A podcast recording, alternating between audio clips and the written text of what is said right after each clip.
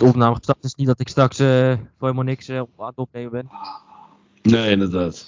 Hij is gestart, dus gaan we over 3, 2, 1.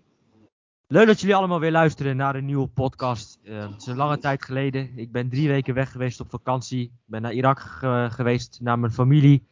Ik ben weer terug. En ja, hoe, hoe kan het ook anders om dan weer een podcast op met, ja, met Beni. De, eigenlijk de eerste persoon die ik had in mijn podcast in eh, de vrijdagmiddag. eh over de League Up begonnen te praten. En eh, ja, welkom Beni. Yes, dankjewel Dossi. Leuk, eh, gaan, om- eh, ja, leuk dat we... Ja, zeker. We Dat gaan weer nu weer over de League Up praten. En eh, toen, pra- toen, toen we de podcast opnamen, zaten we volgens mij midden in het seizoen. Ongeveer eh, net over de helft. En nu zijn we aan het einde van het seizoen. Zeker. En eh, nu is het tijd om eh, ja, ons elftal van het seizoen eh, van de League Up ja, te, ja, te, te laten zien aan jullie. En ehm, ik heb natuurlijk de eerste, de eerste elftal van het seizoen heb ik natuurlijk gedaan met Wesley Victor Mark. Die is natuurlijk ook nog te, luisteren, te beluisteren. Dat was natuurlijk het Serie A elftal van het seizoen. En nu zijn we natuurlijk voor de tweede, de, ja, de tweede competitie, de League E. Natuurlijk Beni, jouw specialiteit. Als we Zeker. eerst even de stand erbij pakken. Ja, Paris is kampioen geworden na een seizoen dat ze geen kampioen werden vorig jaar. Alleen voor mijn gevoel is het wel het kampioenschap van de armoede. Als je kijkt naar hoe Paris kampioen is geworden dit jaar. Best wel veel, eh, in uitwedstrijden best wel veel punten laten liggen. Eh, en dan nog best wel een groot gat met de, met de rest. Is er dan, vind jij dat de rest toch wel een klein beetje gefaald heeft? Dat het, zo, dat gat zo groot is? Kijk, dat Paris kampioen is geworden, dat is logisch met de, met de budget, met de selectie die ze hebben. Maar als je ziet met hoeveel punten zij hebben laten liggen, vind ik dat, dat de rest echt wel een klein beetje heeft. Oh ja, zeker. Ehm, ja. Uiteindelijk is PSG gewoon de, de verdiende kampioen. Alleen wat wel is, is dat, eh, dat ja, de top, ja, de nummers 2 en 3, waarvan je dacht van oké, een, een, een, een die eventueel, eh, kan, eventueel kan opboksen met Marseille met een, met, eh, tegen PSG met een nieuw elftal met Sampaoli, die een, eerst, ja, een vol seizoen heeft bij eh, Olympique de Marseille.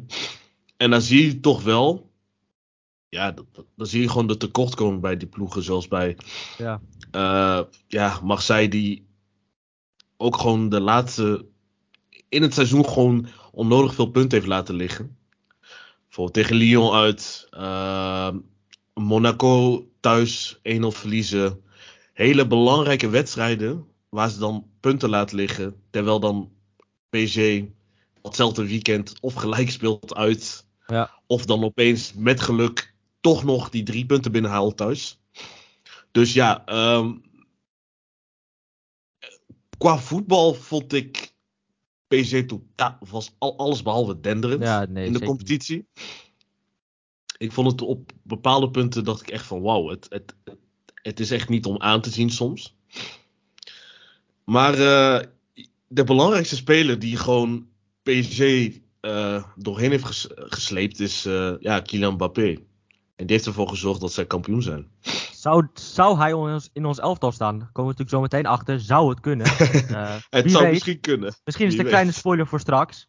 Ja. Ehm, alleen, ja, het, is, ik, het valt me wel tegen dat, kijk, bij Paris gaat natuurlijk alles om de Champions League. En de competitie, ja, ze, op een gegeven moment, na een paar weken in de competitie, was eigenlijk al vrij zeker dat Paris kampioen zou worden. Want de rest verspeelde echt ontzettend veel punten. Eh, kampioen Lille, ja, dat, die kwamen bij lange na niet in de buurt van vorig seizoen. Die, die zijn echt heel erg ver weggezakt. Lyon Mhm. ook erg ver weggezakt. Ehm ja. Nice begon aardig, maar die zakte ook ver weg. Dus op een gegeven moment wist je dat Paris kampioen ging worden. En toen werd alles op de Champions League gezet. En toen er werd verloren van Real Madrid, toen ze werden uitgeschakeld, toen was het seizoen klaar. Ja, nee, dat is wel een, eh, een goede opsomming. Uiteindelijk, ehm, als je ook gewoon kijkt, er is nog een te groot gat Ja. eh, om PSG te challengen. En dat is oké. Ik bedoel, eh, je ziet de laatste jaren ook wel een ontwikkeling, wat ik wel mooi vind in de league. eh, dat ja, Nice is ook nu bezig met een project Ja. onder Galtier. Had wel gedacht dat ze mee zouden doen met de top 2. Dat dacht ik ook, ja. Laatste paar weken, aan het, ei- ja, laatste week voor, aan het eind van het seizoen, hebben ze hier en daar wat punten laten liggen, wat belangrijke wedstrijden verloren. Uiteindelijk toch wel die vijfde plaats gepakt, wa- waardoor ze naar de Conference League gaan. Eh, ja, Marseille, heb ik ook al uitgelegd, is ook wel een beetje hetzelfde probleem. Begon sprankelend, eh, heel aanvallend, misschien tot het naïeve toe.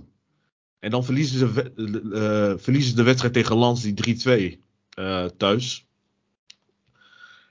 En dan, ja, ik weet niet wat er gebeurt. Eh Sampaoli, die, die wisselt. Die heeft dan elke wedstrijd een verschillende tactiek. Niet iedereen is gega- heeft garantie op een basisplek. Behalve Payet natuurlijk. Ja. Maar het is... In principe heeft Marseille dat hele seizoen best wel zakelijk eh, gevoetbald. Nadat ze die, na die 3-2 nederlaag tegen Lens. Het was niet meer spectaculair. Het was gewoon, eh, ja, bij Vlagen was het aanvallend goed, maar het was gewoon oké. We hebben die Ja, wedstrijd en één doel is, we gaan het gewoon winnen. Hoe, eh, of het lelijk is of het mooi is, maakt, maakt op zich niet uit. En dat vond ik wel, dat vond ik wel jammer dat Marseille niet door is gegaan. dat Sampaoli niet eh, standvastig bleef met zijn principes van oké, dit is onze opstelling, dit worden onze spelers. We gaan er nu voor. En ja, als je ook kijkt naar eh Stade Rennes bijvoorbeeld, die vierde is geëindigd. Ja, fantastisch. Eh, ja, Echt genoten van, echt genoten van Stade Rennes. fantast ja, fantastische ploeg. Moet ik gewoon er heel eerlijk in zijn. Ik ben geen fan van Ge- eh, Genesio. eh, zoals mensen dat weten misschien. Eh, maar zij hebben het echt goed gedaan. Hebben uiteindelijk ook wel hetzelfde probleem.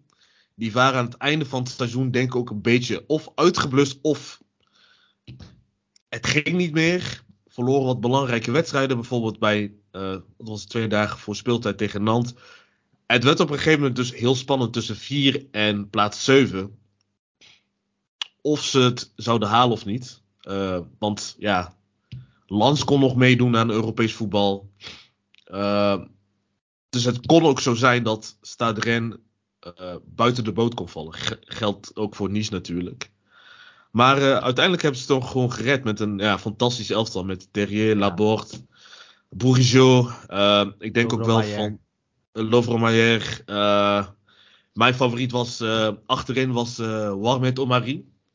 Ja.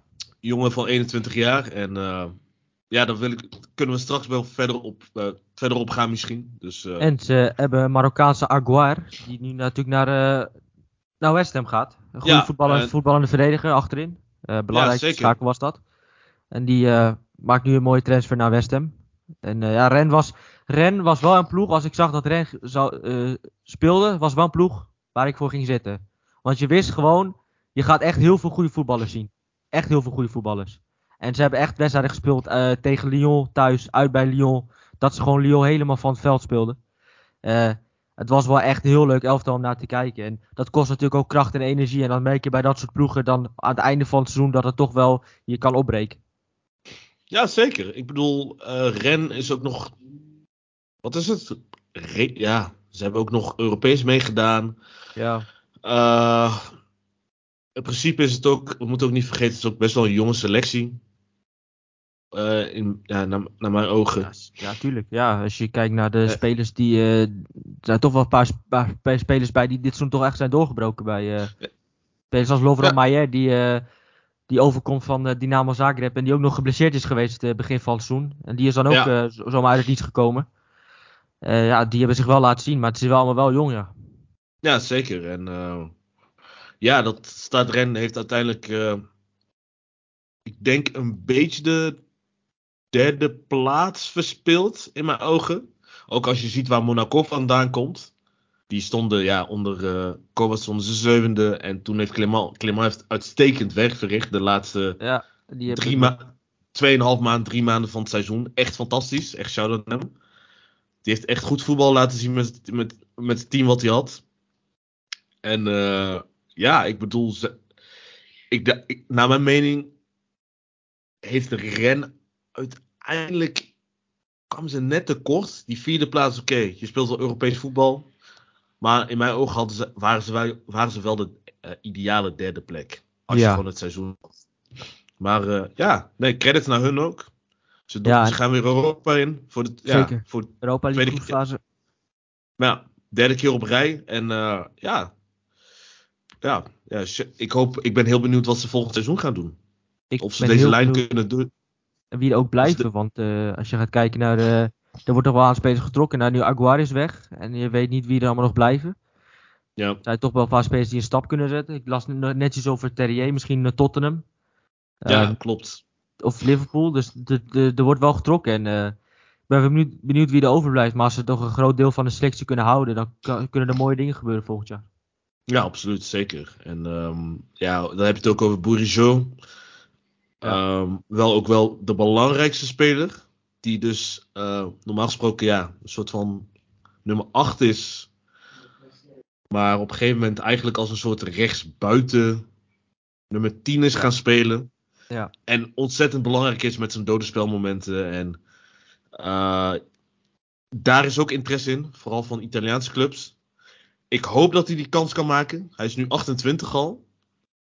En ja, naar mijn ogen eh, verdient hij zeker die kans om eh, die stappen te maken. Maar bij Ren heb ik er ook alle vertrouwen in dat ze daar gewoon ook een juiste vervanger kunnen vinden. Ja, Ook met Florian Maurice, eh, de technisch directeur van eh Ren, voormalig van Lyon, is wel iemand die ja, spelers kan halen vanuit onbekende competities.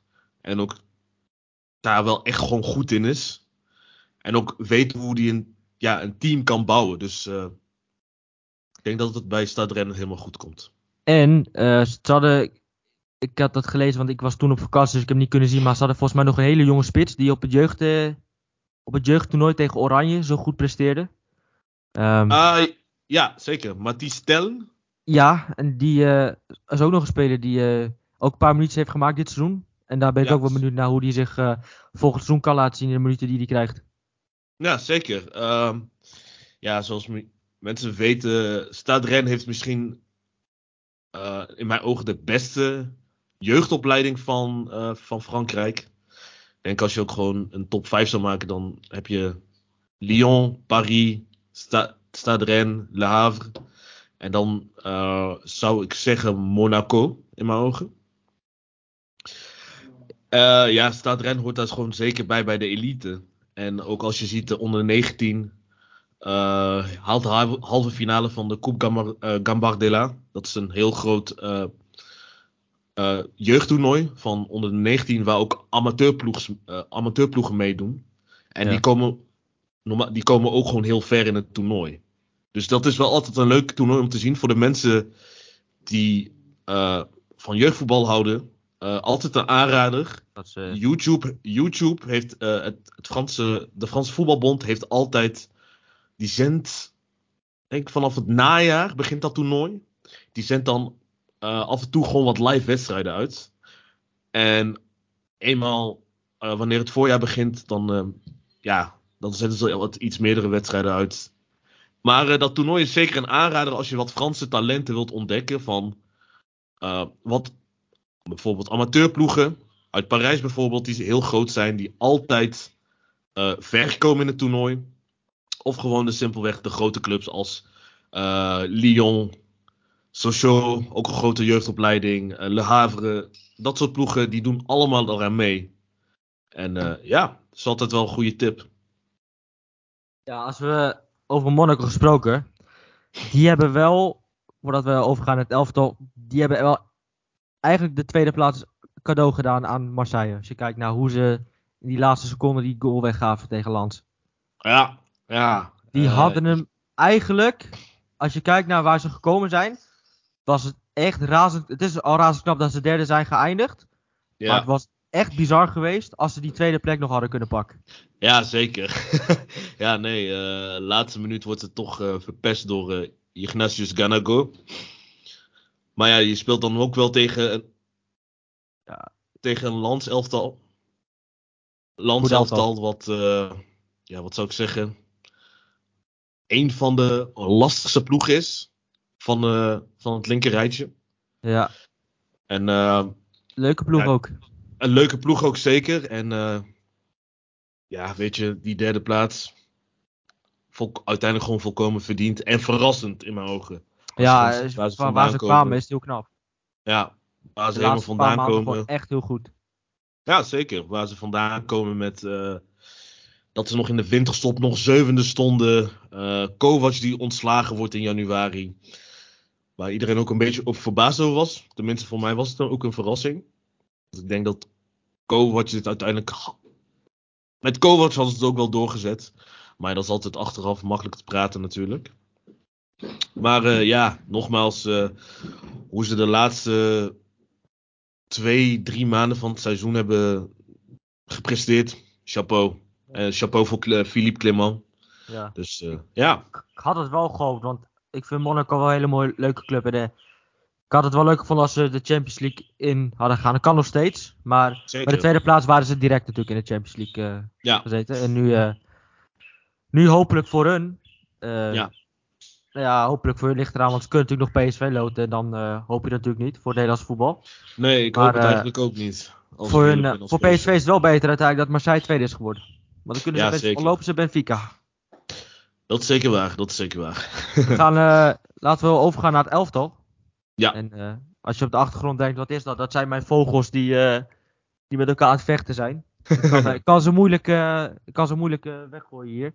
ja. Dus we gaan naar, nou ja, naar de doelman. Hè. Laten we gewoon beginnen op goal. En ja, jij, jij mag aftrappen. ja, mag ik bij het afsplitsen? Jij mag erbij af, Jij mag aftrappen. Helemaal goed. Ehm, ik heb als keeper eh, Walter Benitez. Eh, ja, waar- waarom mijn keuze daar eh, is gevallen is simpelweg. Walter Benitez is in mijn ogen al twee jaar, drie jaar de beste keeper in Ligue 1. En dat laat hij zien door eh, eigenlijk ook gewoon zijn reflexen. Een hele goede lijnkeeper. Hij heeft ook wel iets weg van, ja, qua stijl van Jan op Blak. Maar ik denk ook wel qua meevoetballen dat hij ook wat iets beter is. Ja, Eh, ja, Blak kan niet zo goed mee voetballen. Nee, ja, maar qua stijl, qua lijnkeeper. Ja, qua het- wel. Maar Qua qua lijnkeeper meevoetballen- is hij echt heel sterk. Ik vind ik echt de, de sterkste keeper eh, van de competitie. En helemaal van dit seizoen. Eh, hij heeft ook Nice eh, bij bepaalde, ja, bepaalde wedstrijden ook gewoon gered. Ik denk ook wel een belangrijke wedstrijd is, die ik had gezien was St Stade Brest. Eh, Ja, Die wilde uit. ik ook noemen. Die wilde ik ook noemen, ja. Nice wint wel met 3-0, maar dat was ontzettend geflatteerd. Het feit dat ze dan ook, dat Nice toch eh, met 10 man stond, was een rode kaart voor Schneiderlin. En vanaf dat moment staat Brest krijgt kans op kans. Maar Benitez zorgt ervoor dat, ze, dat Nice in de wedstrijd blijft. Dat ze nog die kans kunnen maken om die 2-0 en die 3-0 te maken. En ehm, ja, ook een, goede, een goed voorbeeld is ook die wedstrijd tegen Strasbourg. Ehm, midden in het seizoen 0-0. Maar dat komt echt alleen maar dankzij hem. En ehm, ja, voor mij is hij in mijn ogen. Had hij genomineerd moeten worden door de Franse Voetbalbond. Ik vind het nog steeds bizar dat Donnarumma Ja, ongelooflijk. genomineerd is. Echt ongelooflijk. Want het was altijd stuivertje wisselen met hem en Kylo Navas. eh, Kylo Navas. Ik, ja, ik, ik snap het nog steeds niet. En ergens ben ik daar ook best wel, ja, ja, best wel over geworden. Want er zijn zoveel goede keepers geweest dit seizoen. Bu- bui- buiten Walter Benitez om. Je hebt ook Jonas Omlin van eh, Montpellier. Ja, die ook ook Ook aan het overwegen was om te nomineren. Alban Lafon natuurlijk. Er zijn heel veel goede keepers geweest. En dan valt ja, die keuze op, eh ja, op Donnarumma. Ik begrijp dat nog steeds niet. En ehm, er zijn wel ook geruchten geweest dat Walter Benitez, Argentijnse eh, keeper natuurlijk, is ook nog niet genomineerd vol- volgens mij door het Argentijnse elftal. Maar ze zijn nu bezig, de Franse bond is nu, ja, Frankrijk, ze zijn nu bezig dat, dat hij voor Frankrijk kan keepen als tweede keus of derde keus eh, bij eh, Le Bleu. Ik zou dat heel tof vinden. Maar aan de Ja. andere kant denk ik ook van ja, ik zou het juist voor hem heel vet vinden dat hij eerste keeper kan worden bij eh, het Argentijnse elftal. En met het oog op Qatar dat hij kans kan maken om eh, eventueel het WK te winnen met zijn, met zijn, met zijn geboorteland. Ja, ja, Argentinië maakt ook grote kans, vind ik. als je kijkt naar hoe zij de laatste, laatste ja, maanden, eigenlijk het laatste jaar voetballen, vind ik wel dat ze kans hebben zijn op dat toernooi. En als je kijkt naar Frankrijk, die hebben natuurlijk eh, al heel veel goede keepers hè, natuurlijk. Uh, Loris, ze hebben Mike Maignan. Dus eh, de kans dat eh, hij daar aan spelen toekomt is niet heel groot, lijkt mij. Nee, zeker niet. Maar ik denk ook wel dat, ja, Laurie is nu 35. Je ziet ook dat de laatste wedstrijden gekiept wordt door eh, Mike Magnan. Ja, sowieso. We weten, Mike keeper. Magnan, Fantastische keeper. superkeeper.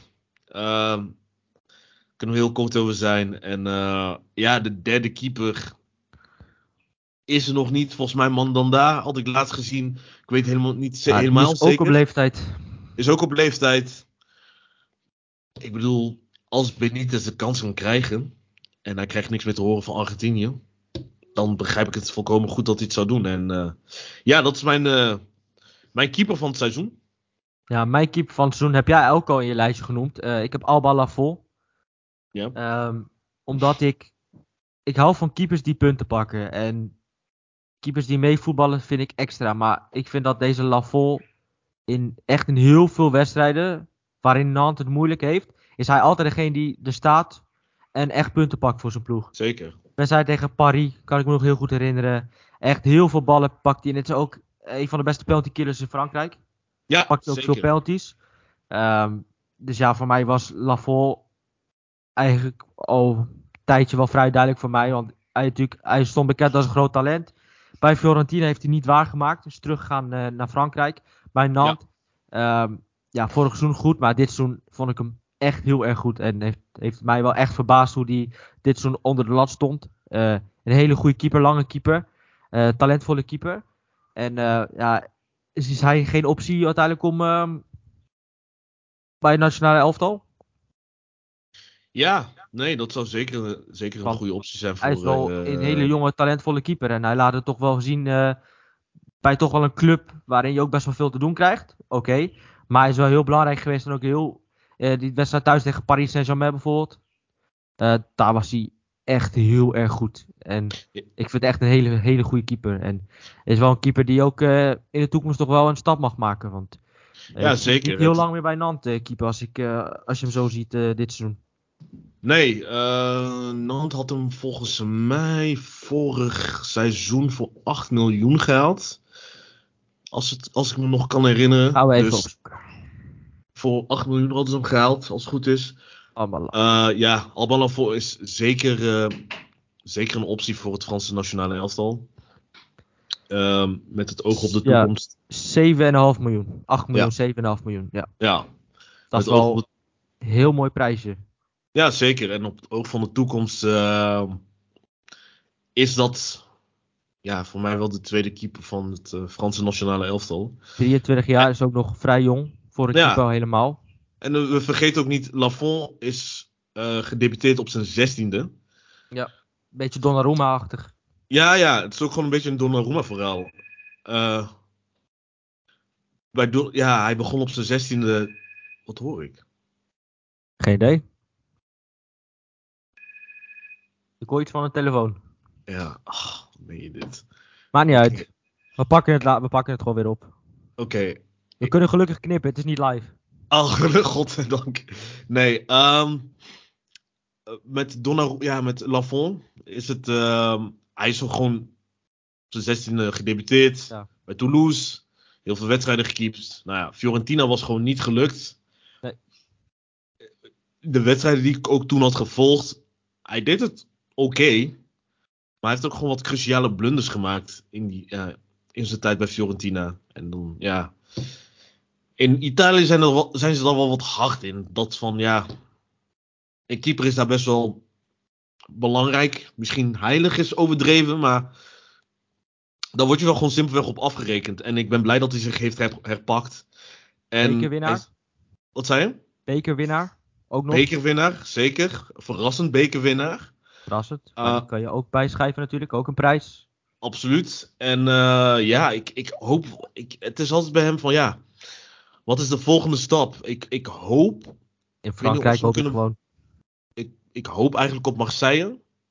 Ja, het met een oog stap op de toekomst. Ja, kijk, Paul Lopez heeft het ook heel goed gedaan. Kon, kon je ook nomineren als keeper van het jaar. Uh, maar op, de oog, op het oog van de toekomst zou ik als Marseille zijn, uh, zijnde denken van ja. Kijk, kijk, eens, bij, kijk eens bij Nantes. Lafont Ja, staat daar. Ga je misschien wat ge- geld kosten, maar dan heb je in de, in de, ja, de komende vijf jaar heb je er veel plezier aan. Tuurlijk, hij is, hij is 23. Hij kan nog, eh, als je kijkt naar, als hij zich goed verzorgt en het lichaam, eh, kan hij nog wel een jaar of 17, 18 nog mee. Ja, zeker. En, zeker. eh, ik had ook nog een andere keeper in mijn hoofd, maar die vond ik vrij wisselvallig. Die had goede momenten en ook slechte momenten. Anthony Lopez. ja. Die had goede momenten, maar ook echt momenten dat hij blunderde en dat soort dingen. Dus die heb ik uiteindelijk niet gekozen. ja, Eh, terecht. dat- die vond ik vrij wisselvallig. nee, Ehm, terecht. en voor de rest, Nee. Omlin, moest ik ook aan denken. Eh, ook erg goed gedaan. Maar voor mij was eh allemaal voor wel een zekerheid. Dus nee, nee. ja, nee, voor goed. mij allemaal voor, voor jou Walter Benitez. En dan gaan we Ja. door naar de, ja, naar de rechter wingback positie. En dan eh, zal, ik, eh, ja, zal ik de speler noemen die ik heb. Ik heb eh, Jonathan Klaus. En mensen die de, mijn, mijn podcast luisteren, die zullen waarschijnlijk weer denken, heeft hij, gaat hij het weer over Jonathan Klaus hebben? Maar ja, ik kan, je kan niet om hem heen. Hij Nee, is zo verschrikkelijk goed. De hele rechterkant, eh zijn voorzetten, eh, zijn traptechniek. Als je ziet ook hoe hij vrije trappen neemt. Hij heeft ook wel een paar mooie, hele mooie vrije trappen erin geschoten. Eh, Zeker. ja, gewoon on- ontzettend veel drive naar voren toe. En, ehm, en ook niet heel gek dat hij een paar maanden geleden voor het nationale elftal eh, ja, werd ge- eh, gekozen. Want het is echt een geweldige speler. En als je gaat kijken naar uit, kijk hoeveel goals en assists, hoeveel assists hij heeft dit seizoen. Als je ziet hoe, ja, hoeveel hij werd, hij werd transfervrij binnengehaald natuurlijk van Arminia Bielefeld. En hoe hij zich Ja. Uiteindelijk heeft ontwikkeld. Hij vond hem vorig seizoen al heel goed. Maar dit seizoen eh, met 5 goals en 11 assists. Ja, dat is krankzinnig. Hij is ja, by far de belangrijkste, belangrijkste speler van eh Nantes. En voor mij ook gewoon van. Ook als je de wedstrijden hebt gezien van Lens. eh, van- ik zei Nantes net, maar ja, maar niet uit. Als- Geeft niet. als je de wedstrijden ziet van Lans. ehm, het is een team dat heel veel van. Eigenlijk ook be- best wel de flanken heel. Ja, de wingbacks goed gebruikt. Dus je hebt dan Frankowski en uh, Frankowski, eh, Frankowski op links, soms Haidara. En dan rechts hebben ze ja, Jonathan Klos, die gewoon by far de belangrijkste speler is. Geweldig gespeeld. En ja, die, die hebben gewoon, ja, hoe zal ik het zeggen? Bij Jonathan Klos, die, die, ga, die blijft gaan. Die, Ja. die blijft altijd Ja, die gaan. blijft altijd gaan. Altijd. En altijd heel belangrijk met zijn voorzetten. Op, op cruciale momenten, een goede wedstrijd kan ik me nog herinneren tegen uh, Lans. Waar ze aanvallend. Ze moest het, eh, Lans moest tegen Ren. Waar ze aanvallend er niet lekker uitkwamen. En dan gewoon Ja, één klopt. belangrijk moment. Waarbij Jonathan Kloos een voorzet geeft aan Wesley Said 1-0. Laatste, laatste paar minuten was dat toch? Van de wedstrijd. Ja, ja, laatste paar, minuten- paar minuten. Slotfase. Ze halen die drie punten binnen. En dat is alleen dankzij hem. Hij is ook echt cruciaal geweest. Zeker. Op aanvallend gebied, zo op verdedigend gebied. En ja, die je- nominatie. Het zou je niet verbazen trouwens, maar eh Beni heeft hem ook. Niet dat hij eh, een heel zo'n verhaal loopt te vertellen dat hij straks iemand anders heeft op die positie, maar we hebben Nee, allebei nee, nee. Jonathan Ik heb hem ook zeker. Nee, ik heb Jonathan Kloos ook. En eh, ja, hij is gewoon bij far eh, de beste rechtsback van het, rechtsback van het land. Echt by Ja. far. Ja, ik En moest, eh, die, dat is gewoon ongetwijfeld. Dat was gewoon echt. Bij, dat was gewoon een, ongetwijfeld. Dat, dat, dat dacht ik niet eens aan van een andere rechtsback. Van oh, wie zou ik willen nomineren? Nee, Nee. Bij, bij mij was het echt Jonathan Kloos. Ook, ook gewoon. Hij is nu 30, 31 volgens mij.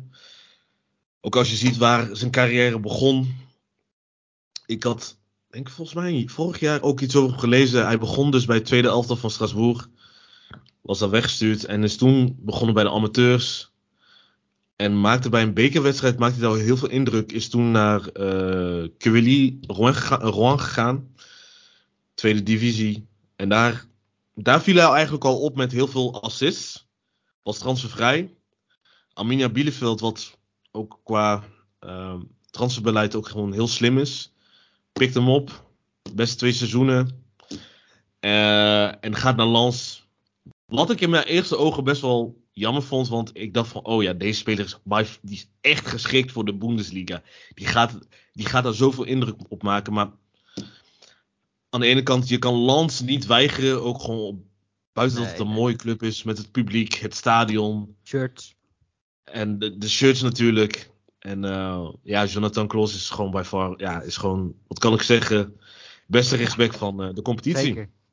Ja, ik zit hier ook zijn, eh, zijn eh, ja, clubs te bekijken. Overal transfervrij weggegaan. Dat Ja, is ook bijzonder. Dat is ook bijzonder. Voor een van de beste, ja, de beste rechtsback, rechter wingback van, van Frankrijk dit jaar. Is hij bij elke club transfervrij vertrokken. Dat is wel grappig om dat te zien. Ja, En, Ja, ehm, maar hij zei, hij zei ook bij een interview een paar jaar terug dat, ja, hij zat bij het tweede elftal van Strasbourg en als hij, als hij terugdacht aan die tijd, hij leefde niet echt voor de sport, dus hij dacht van ja, weet je. Zo ziet hij er ook wel een beetje uit. ja, dat, dat, ja. Dat, Als je dat- naar zo hem kijkt qua gezicht, zo ziet hij er ook wel een beetje uit. Ziet er niet echt Dus- uit als een echte profvoetballer. hij, ziet er, hij, ziet er nog, ja, hij ziet er nog steeds niet uit, na al die jaren, nog steeds niet uit als een echte profvoetballer. En geniet van het leven en ja, toen kwam het punt van oké, hij heeft de potentie. Wat, wat gaan we doen? En ik denk vanaf het moment dat hij naar Bielefeld is gegaan, dat er wel gewoon een klik is gekomen bij hem. En eh, ja, dat pakt goed uit. Ja. Genomineerd bij het Franse elftal. Zeker. Eh Het filmpje interesse was mooi, hè? Ja, ja, mooi filmpje. Ik bedoel, ja, dat is gewoon hartverwarmend, man. hè. Die man is 30 en wordt dan opeens genomineerd. Ja, kom op. Ja, voor de mensen die het weten, eh, hij werd genomineerd en eh, ze zaten allemaal live te kijken naar eh, de Sams die eh, de lijst zat voor te lezen. En toen eh, werd de naam Jonathan Klaus genoemd en al zijn teamgenoten sprongen hem om zijn nek. Ja, Ja, dat, heel- dat is mooi. echt prachtig. En eh, ja, je, je leest ook nu de geruchten dat eh Atletico Madrid geïnteresseerd in is. Zou perfect passen daar. Dat zou, wauw, dat zou echt onder... Perfect. dat zou echt, als je kijkt, dat is echt exact een kopie van, eh van Lans. Als, als je kijkt naar de rechter wingbacks, als je kijkt naar Trippier, die daar ook de hele rechterkant en ook vanaf, vanaf hem daar de voorzetten gaf, zou die perfect daar passen. No-brainer. En hij heeft een Ik jaar zou- contract.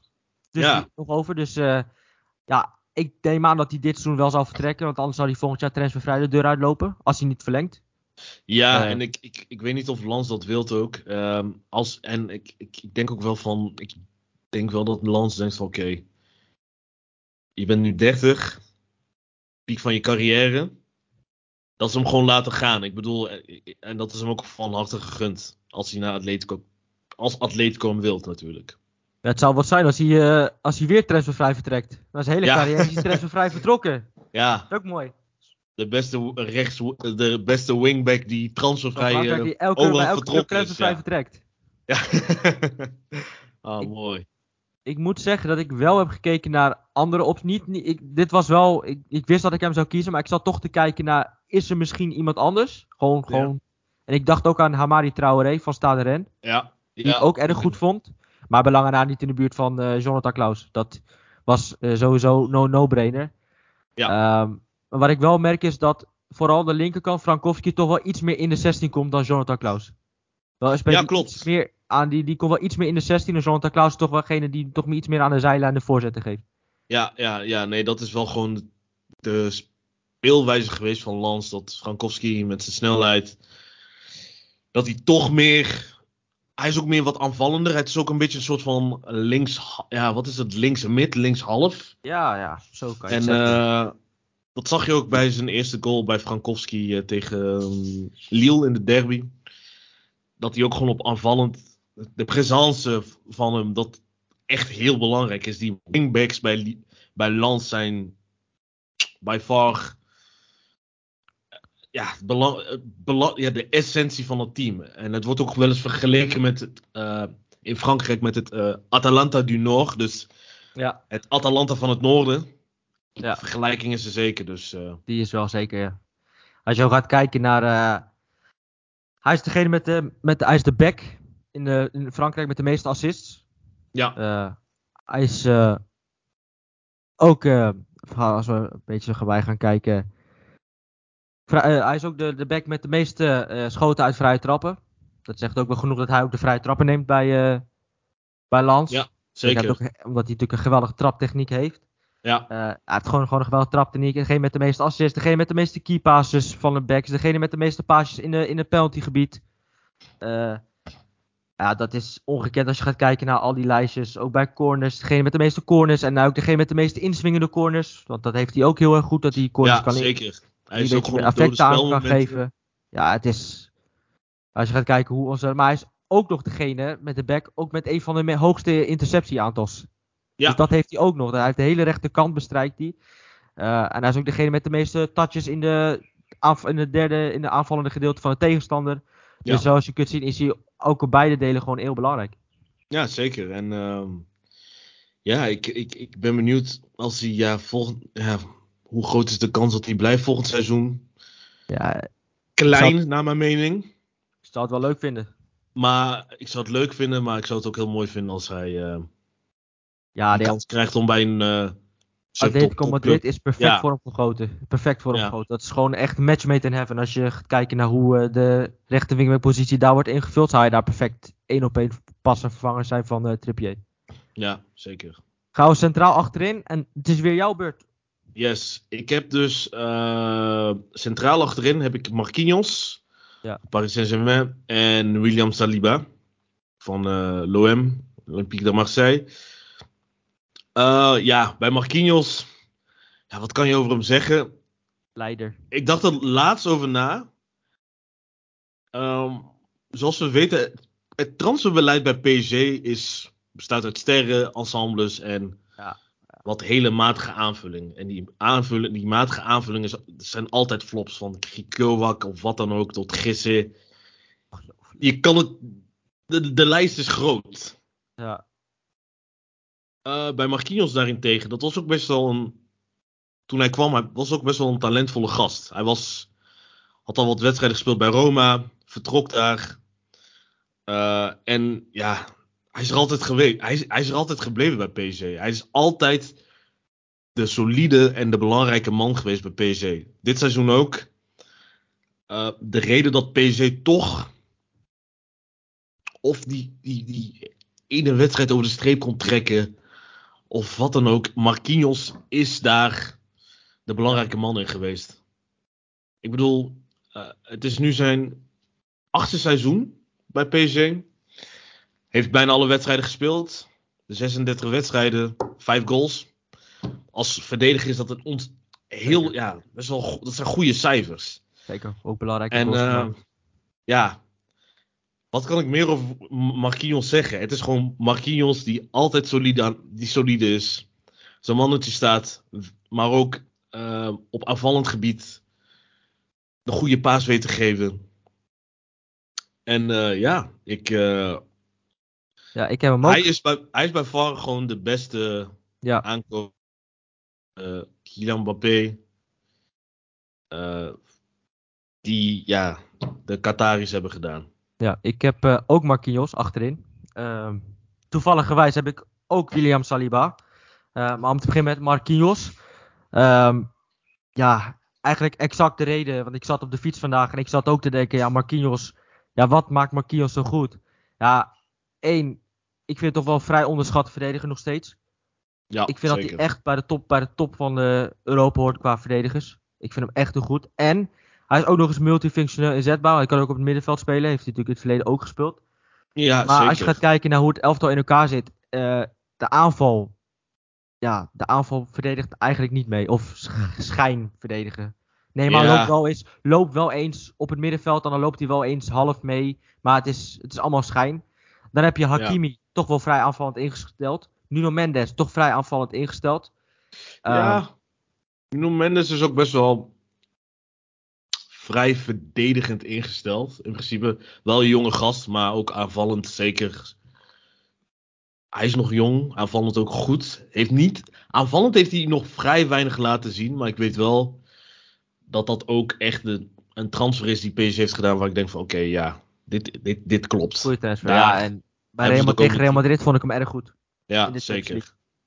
Maar eh, ja, heb, je, heb je ook nog Kim Pambe, die vind ik eh, soms ook nog wel een beetje wild. Eh, en dan Ja, heb, je, heb je Marquinhos daarnaast. To- Dat is de rust zelf en toch degene die achterin alles stuurt. Mhm. Eh, en heel belangrijk, ook in heel veel wedstrijden eh, wanneer als Paris Saint-Germain aanvalt de bal kwijt en in de counter staat altijd Marquinhos daar om, om op de juiste plek om de ballen af te pakken. En toch wel een beetje een soort van gevoel dat het de eenmansverdediging achterin is, Marquinhos. Die echt heel veel ballen verovert, ballen terugwint. Ook aan de bal heel erg sterk. En gewoon een onmisbare factor achterin. Nou, als je kijkt ook dat Thiago Silva toen vertrok. Uh, belangrijke leider. Heeft hij toch wel die plek uitstekend uh, opgevangen centraal achterin. En is hij wel de leider en uh, de belangrijkste man. een van de belangrijkste mensen bij Paris. En ik denk de een van de twee beste spelers dit seizoen van, van Paris.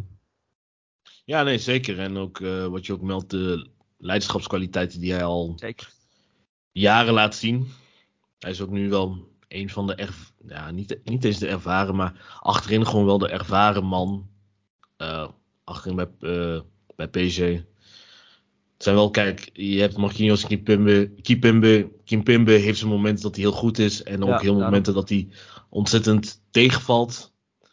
Maar dat is wel de kracht van PSG. Je kan altijd rekenen op Marquinhos. Die, en, val, uh, die valt nooit door de mand. Die is die altijd goed, altijd sterk, altijd die belangrijk. ja, en ook die valt nooit door de mand. Heel veel belangrijke goals. Hè. En tegen Lille thuis, kan ik me nog herinneren. Ja. Uh, dat hij in de laatste paar minuten 2-1 binnenkomt. Ja, uh, tegen Saint-Etienne uit was hij ook nog belangrijk. Ja. Uh, volgens mij zelfs toen nog twee goals gemaakt in één wedstrijd. Ja. dus ja, aanvallend met het hoofd sterk, maar vooral zijn verdedigende kwaliteiten en, en de leiderschapskwaliteiten achterin is gewoon onmisbaar. En daarom vind ik dat hij echt wel hoort tot de beste verdedigers van de wereld. en oké, okay, hij is in die wedstrijd tegen Real Madrid, in die, in die fase dat het helemaal misging, ging het helemaal mis achterin. Ja. Uh, maar dat was ook dat, dat was echt complete chaos achterin. Daar kon hij natuurlijk niet in zijn eentje alle, alles nee, uh, oplossen achterin. Maar voor de rest enorm solide en enorm, enorm belangrijk al jaren. En uh, ja, onmisbare factor. Ja, zeker. Dan gaan we naar Saliba. Van, ja. ja, Saliba, dat was ook voor mij gewoon. Hoef ik niet over na te denken. Nee. Die, die, die, Saliba is. Ja, wat is het? 20 nu. En die verdedigt alsof hij al, al tien jaar ervaring heeft. Ja, enorm rustig. De rust. Enorm solide. De, de, de, ja, waar kan ik beginnen? De, zijn, ook wel zijn leiderschapskwaliteiten. Die ook een beetje naar voren zijn gekomen. Het is wel iemand waar je gewoon op kan rekenen. Het is een hele, ja, naar mijn mening, een hele sierlijke verdediger. Die, ja. die denkt altijd gewoon in aanvallend oplossen. Van oké, Even kijken van eerst verdedigen en dan kijken van vooruit.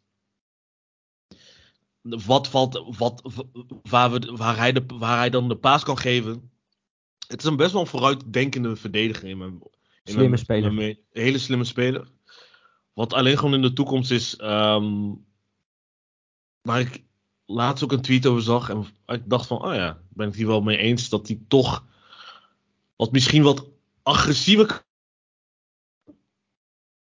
op een goede manier. En dan bijvoorbeeld met ja, niet de hele tijd sierlijke duels aangaan of wat dan ook. soms heeft hij van die momenten waar hij zichzelf misschien makkelijk laat aftroeven. Maar hij heeft ook echt momenten. Ja, en ook gewoon momenten waar ik denk van oké, nu sta je er echt. Net als uh, Paris Saint-Germain thuis tegen Messi, die tackle. Ja, ja, ja. Sorry. Ik bedoel, dat is, dat is, ik denk wel het moment van het jaar voor heel veel Marseille-fans. Het was één op één.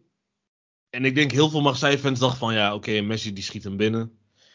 Dacht ik ook toen ik, toen ik die wedstrijd aan het kijken was. En toen kwam Saliba tussen met die belangrijke tackle. En dat was, ach, dat was zo, dat was zo mooi om te zien. En, heeft er um, zoveel van, van dat soort tackles. Ja, het is echt ook gewoon netjes perfect op de bal. En um, ja, voor mij um, ik ben als Arsenal-fan hoop ik echt dat hij, de dat hij nog een eerlijke kans krijgt. Ik hoop het ook, want hij, het, is, het is geen speler die een jaar op het bank moet gaan zitten. En uh, over tackles gesproken ook. Uh, de wedstrijd die ik mij heel goed kan herinneren was uh, uit bij Lans. Was Lans Marseille. Ja. En dat hij in een sprintduel was met Fofana had voorsprong. En Fofana is ook vrij snel. Ja. dat hij, en dat hij dan hem inhaalt en dan echt op een hele ja, hele lastige hoek. Dat hij dan een tackle neerzet en dan echt geweldig op de bal. Dat hij dan uh, ja, gewoon, de, gewoon de bal raakt. En dat soort, dat soort dingen die bij, blijven me bij. Gewoon qua snelheid, qua ook momenten als, je, als, hij, als iemand er langs is, dat hij qua snelheid nog genoeg kan corrigeren. En ook geen gekke overtredingen maakt, maar gewoon elke keer keurig op de bal.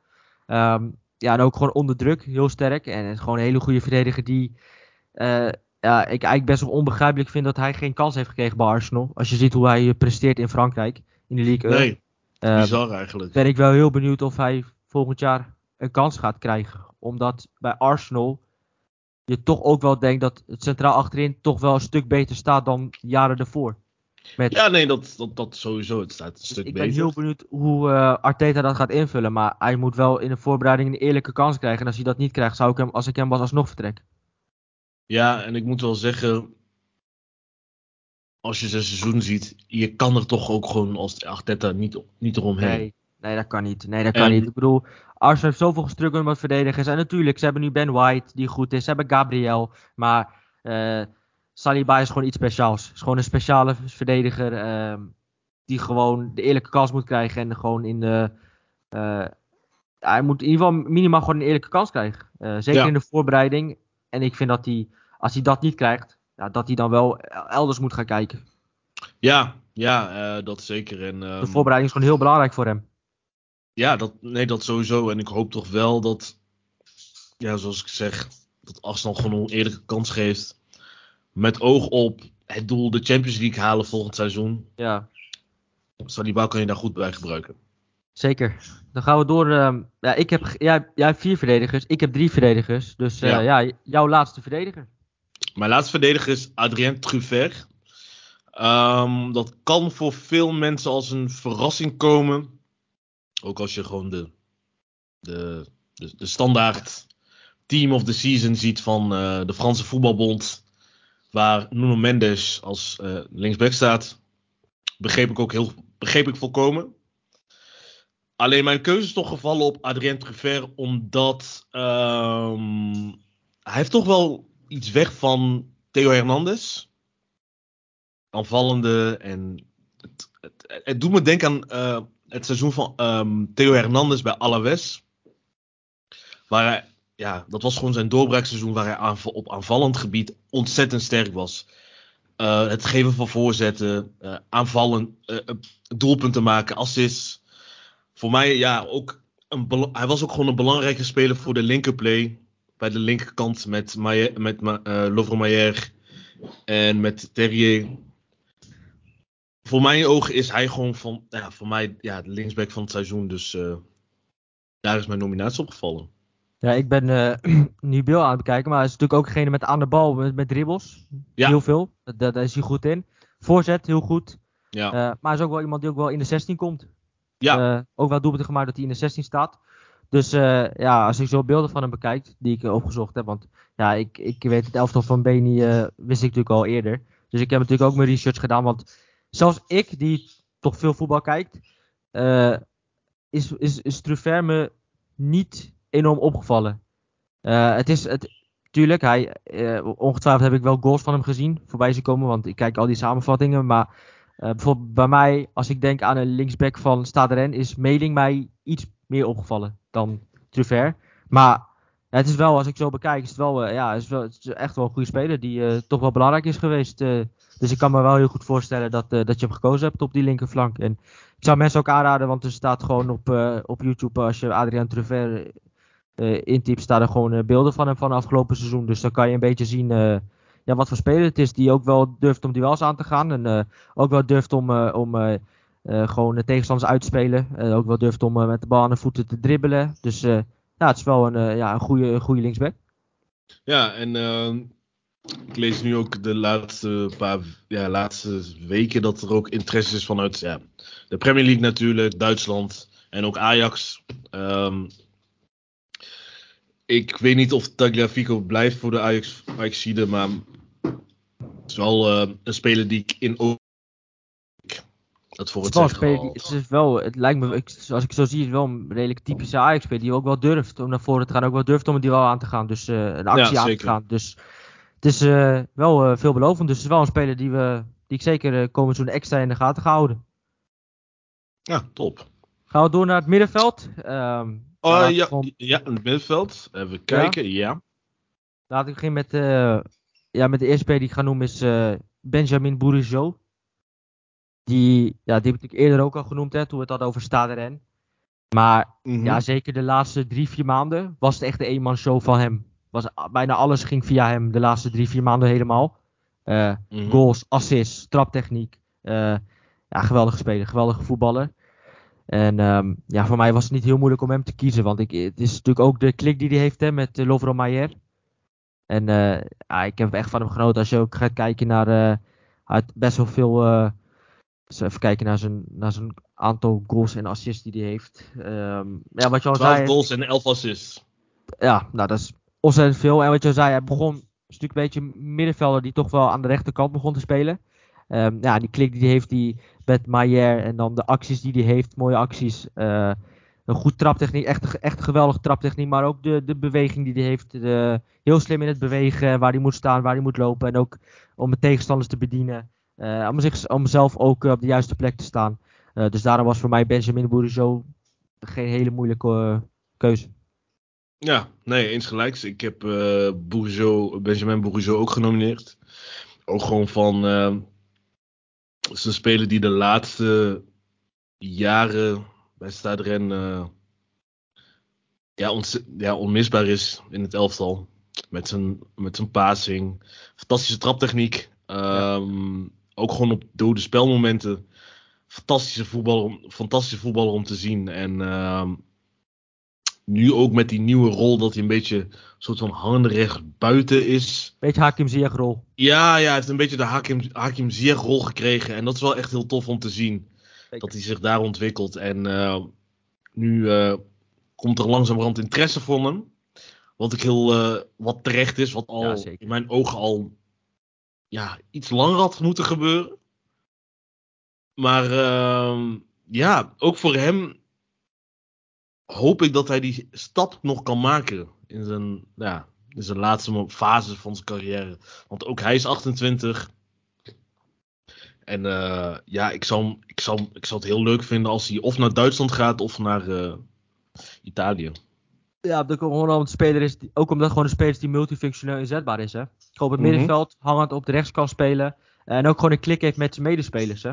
Dat hij heeft. En ook, ook gewoon een hele slimme speler in de manier van bewegen. En eh, ja, wat je al zei, eh, traptechniek, dode spelmomenten. Ja, hij trok echt de laatste, zeker de laatste twee, drie maanden, trok hij echt al, al het spel naar zich toe. En was hij gewoon echt de belangrijkste speler. En eh, ja, 11 goals, 13 assists. Ja, dat is gewoon krankzinnig. Ja, Dat is, dat absoluut. is echt krankzinnige cijfers. En ik, ik weet de stats van de seizoenen ervoor niet. Maar ik, ik neem aan dat dit wel echt zijn beste seizoen is uit zijn carrière. Dit is zeker zijn beste seizoen. Ook op basis van doelpunten. Het is nooit echt eigenlijk een doelpuntenmachine geweest. Kan ik me herinneren. Maar eh, ja, dit is by far zijn. Dit is ja, gewoon op, op qua goals zijn beste seizoen. Ja, hij heeft in totaal ehm, heeft hij, even kijken, 339 wedstrijden, 300, nee, 329 wedstrijden gespeeld voor Stade Rennes en voor Lans bij elkaar. Ehm, ja, 52 doelpunten. Ja, Dus eh, ja, dat hij er nu 11 heeft gemaakt in één seizoen, dat is toch, eh, is toch echt heel knap. En Ja, 13 zeker. assists er ook nog bij. ja, zeker. Want eh, als je gaat kijken, hij heeft 109 wedstrijden gespeeld voor Lans. Ja, En hij heeft dit seizoen meer goals en meer assists dan in die 109 negen wedstrijden bij Lans. Dat is een leuke statistiek. ja kijk aan. Dus eh, nee, ik kan me wel herinneren dat hij bij Lans. Het was nooit een, een doelpunt te doelpunt maken. Ja, nooit een doelpunt te maken. eh, geweest. Maar het is wel echt tof om te zien dat dat echt nu. eh, dat het nu uitkomt met die nieuwe positie. Dus zeker. ja, hij is sowieso mijn, midden, ja, mijn eerste middenvelder. Zeker. En dan mag jij, eh, als je niks meer te zeggen hebt over Benjamin Morizot, naar de Zeker. tweede middenvelder. Laten we voor de tweede middenvelder gaan. Aurélien Chouameni. Ja, Zoals we allemaal weten, hij is voor 100 miljoen eh, vertrokken naar Real Madrid. En ehm, nou, bizar. Echt Ja. bizar. Bizar. bij, ja, Chouameni is... Ik heb dus ook opgeschreven, dit is de beste 15 miljoen eh Monaco heeft besteed aan een speler. Geen idee of dat ooit, of dat ooit eerder is gebeurd of wat dan ook. Maar Ja, zo moet zo zien, Tchouaméni- oh eh, heeft een handjevol wedstrijden bij Bordeaux gespeeld. Werd al gezien als een groot talent. eh, al bij het eh, WK onder de 17. Nou, vertrok in de winterstop, als het goed is, voor Ja. corona naar Monaco. Januari Ja, 2020. onder, en onder eh, ja, Kovac is hij ontploft. Het is echt een hele goede. eh, Het, het intercepties is hij een van de beste. eh spelver, het is een spelverdeler. Het is Techniek, techniek, Drive. fysiek. Het is een ongelofelijke slimme gast. En ja. ehm, hij heeft ja, dat eerste seizoen vorig, ja, dat vor, ja, Ja, zijn vorig jaar- doorbraakseizoen ja, was bizar. Ook echt bizar. echt fantastisch. En ook zijn passing met zijn onderscheppingen. Hij is, on- hij is echt de belangrijkste middenvelder geweest bij Monaco. Samen, ja, samen met, zijn, ja, met Fofana. Of wissel af ook en toe af met, Ma- ja, met Matazo bijvoorbeeld. En ja, wat kan je over deze man zeggen? Ja, het is, nee, ja, ongelooflijk. Ja, ik bedoel, je hoeft, je hoeft één ding te zeggen. 100 miljoen Real Madrid, ja, dat zegt dan genoeg. Want het is niet niks. Het, het, het is logisch dat Real Madrid hem wil. En logisch dat, hij, dat ze er zoveel voor moeten betalen. Want het is echt, hij heeft echt, heel, hij heeft echt alles. Echt compleet, compleet te spelen. En ook, eh, zijn, zijn, ja, ook zijn schoten. Hij heeft echt een goed schot. Als je ziet dat hij ook afstandsschoten, ballen van afstand er ook inschiet. Eh laatst had hij ook nog twee, twee doelpunten gemaakt eh, van afstand. Ja, ja, hij tegen gewoon Lille. tegen ja, Lille. Hij heeft de, kracht. Hij heeft ook de, hij heeft de techniek. Hij heeft de drive. Hij is kopsterk. Ehm, intercepties, ballen veroverend, aan de bal heel erg sterk. Eh, ja, als je gaat kijken naar wat Real Madrid volgend jaar heeft qua middenvelders. Dat is echt Ja. krankzinnig. Dat is gewoon pure fraude. Met, ik heb trouwens, ik heb nog niet eens gezegd, maar ik heb Tuchel ook natuurlijk. Ja, Eh, ja, onmisbaar. Als je, als je gewoon een seizoen lang kijkt, dan is hij zo verschrikkelijk goed geweest. Die thuiswedstrijd tegen Paris Saint-Germain, ja, oké, Paris Saint-Germain, die, eh, dat leek helemaal nergens op wat zij deden. Maar samen met eh, Fofana was hij, was hij echt geweldig in die wedstrijd. En heel veel, in heel veel wedstrijden zo belangrijk. En eh, ook gewoon heel veel wedstrijden waarin... eh, ja, waarin gewoon, is is hij gewoon zo belangrijk gewoon met intercepties. Dat is dan vaak ook gewoon niet te zien in dat soort momenten. Omdat dat soort dingen worden niet vaak uitgezonden. Eh, maar hij is gewoon zo belangrijk ook gewoon in, de, in het verdedigende werk. Maar aan de bal, ook eh, fysiek gedeelte, de drive, schoten. Eh, het kan niet anders dan ik denk dat hij bij Real Madrid... Ja, als je gaat kijken naar Camavinga, die eh, had het seizoen dat hij, voordat hij vertrok, had hij toch wel een minder seizoen. Ik vond hem... Mm. Ik vond hem hij is een, ik vond hem het jaar daarvoor heel goed, maar ik vond hem het seizoen 2020, 2021 had hij toch wel een minder seizoen. dus ja toen nee, hij zeker. vertrok, dacht ik van, hij heeft misschien toch tijd nodig. Maar als je ziet hoe belangrijk hij is geweest in die Champions League run. Eigenlijk Ja. elke keer Champions League dat hij, dat hij erin kwam, dat hij de wedstrijd omdraaide. Eh ja, Toussaint vertrekt gewoon echt als een van de beste spelers van Frankrijk. Eh Ja, zeker. dus vertrekt daar naar Real Madrid. Dus ik heb hele hoge verwachtingen van hem. En als je ziet ja, wat Real Madrid qua middenveld kan opstellen. En dan hebben ze nu ook over Jude Bellingham. Ik weet niet, eh, willen ze volgend jaar zes middenvelders opstellen bij, Real Ja. Madrid. Maar het is, het is Ja, echt het is- ongekend. Het is echt ongekend. En eh ja, Chouameni is, denk wel. Ja, er zijn genoeg middenvelders. Zoals we weten, er zijn gewoon. In het type Chouameni, denk Fofana is ook zo'n type. Gaan we later op eh, in. Maar Chouameni is gewoon, die, die, die steekt met eh kop en schouders er Ja. bovenuit. Zeker, Kop en schouders. En dit seizoen weer. geweldig. Ja, over, eh ja, over Fofana gesproken. We kunnen doorgaan Ja. naar, de, naar de middenvelden die we ja, kunnen verklappen. We, we hebben hem allebei. Seco Fofana. Seco Fofana. Ja, ik heb het heel vaak over Jonathan Klaus gehad. Maar ik heb het ook heel vaak over Seco Fofana gehad. Want, Ja, god, wat is dat een, midden, wat is dat een beest. Gewoon. ja, Als je hem ziet. En als je hem ziet, dan zou je zeggen. Hij is misschien een beetje lompig, maar echt een bizar goed techniek. Dat is echt ongelooflijk. Echt een geweldige techniek, geweldig drive. eh, geweldige passing, geweldig schot. Eh, ook eh, fysiek heel sterk. En gewoon een complete, comple ook weer een complete middenvelder die bij, bij, bij, al, bijna bij heel veel clubs in de Premier League perfect zou passen. Dat is echt een type Ja. Premier League speler, wat het, echt een geweldige voetballer. Ik, eh, ik had, nee, wanneer was dat? Het was een periode waar ik dacht van ja, Man United zat de hele tijd weer te struggelen van oh ja, we moeten een verdedigende middenvelder halen. Oh ja, Chouameni, 80 miljoen, ja, ja, nee, misschien wel. En ik dacht van, dat type middenveld kan je gewoon in Noord-Frankrijk vinden bij, Ja. bij Lens. 30 Dacht ook miljoen van- las ik. 30 miljoen. Ja, 30 miljoen is helemaal niks. Is krankzinnig. Dat is veel te weinig. En ik ze konden... niet dat er geen enkele club is. Voor, voor tot nu toe is alleen Paris Saint-Germain de enige club geweest die had geïnformeerd, las ik. En dat Ja. zou ik dan wel een hele jammere transfer vinden. Want dat zou ik een heel saaie transfer vinden. Ja, het zou een hele saaie... Het is ook een saaie transfer, maar och, als Parijs hem haalt, ja. Ja, dat zou wel krankzinnig zijn. Dat Het zou zou echt een type zijn. speler zijn die ze ook wel missen daar. Ja, nee, zeker. Par- Paris heeft ook altijd wel gewoon een beetje de issue gehad met, oh, wat voor middenvelders stellen we op, eh, bla bla bla. Voor heel veel clubs die een middenvelder, een verdediger, ja, box-to-box speler zoeken. Ja, bizar. Sikko Fofana is de speler die je gewoon simpelweg moet halen. Ik vond het al best wel verontrustend dat ehm, in de winter, in de transferperiode van eh, in de winter, dat Burnley interesse in, had, in, in hem had. En toen dacht van, oh nee, dat ga je, ga je niet Ja, menen. zou- Dat, zou Dat had, ik echt, dat had ik echt heel erg gevonden. Ja, Dat ja. had ik ook best wel jammer gevonden voor een speler die technisch eh, met zijn intercepties zo belangrijk is. En dan besluit om naar, ja, naar, naar, naar, naar Burnley te gaan om te vechten tegen degradatie. Denk van, ja, ja, daar kom je bijna je eigen helft niet uit. Nee, Dat zou Nee, echt... dat- dat- dat zou ik, dat, nee, dat zou ik verschrikkelijk vinden. En eh, ja, ook over hem, het is ook allemaal een beetje vaag van, blijft hij, blijft hij niet? Eh, ja, 30 miljoen. Ik snap, ik, snap, ik snap niet dat geen enkele club bij, buiten Paris... 30 miljoen. Ik zou iedere club aanraden voor 30 miljoen. Iedere eh, TD zou ik aanraden om, om bij Lans aan te kloppen. Van voor 30 miljoen heb je een waanzinnige middenvelder binnen. Heb je echt, ja, zeker. echt krankzinnig.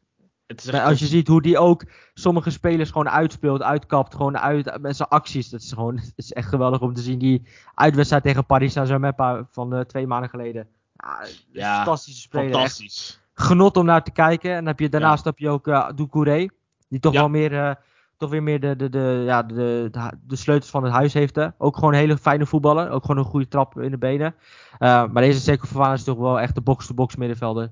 Als je hem binnen hebt. ehm, ik zou zelfs een club als Arsenal. Zou ik gewoon aanraden om hem, om hem te halen. Dat zou Oh, een club als Arsenal naast, ik zou het naast, Thomas, naast Thomas Partey. Die toch wel degene is die meer het verdedigende gedeelte doet. En dan heb je Seco Fofana toch de Ja. box-to-box middenvelder.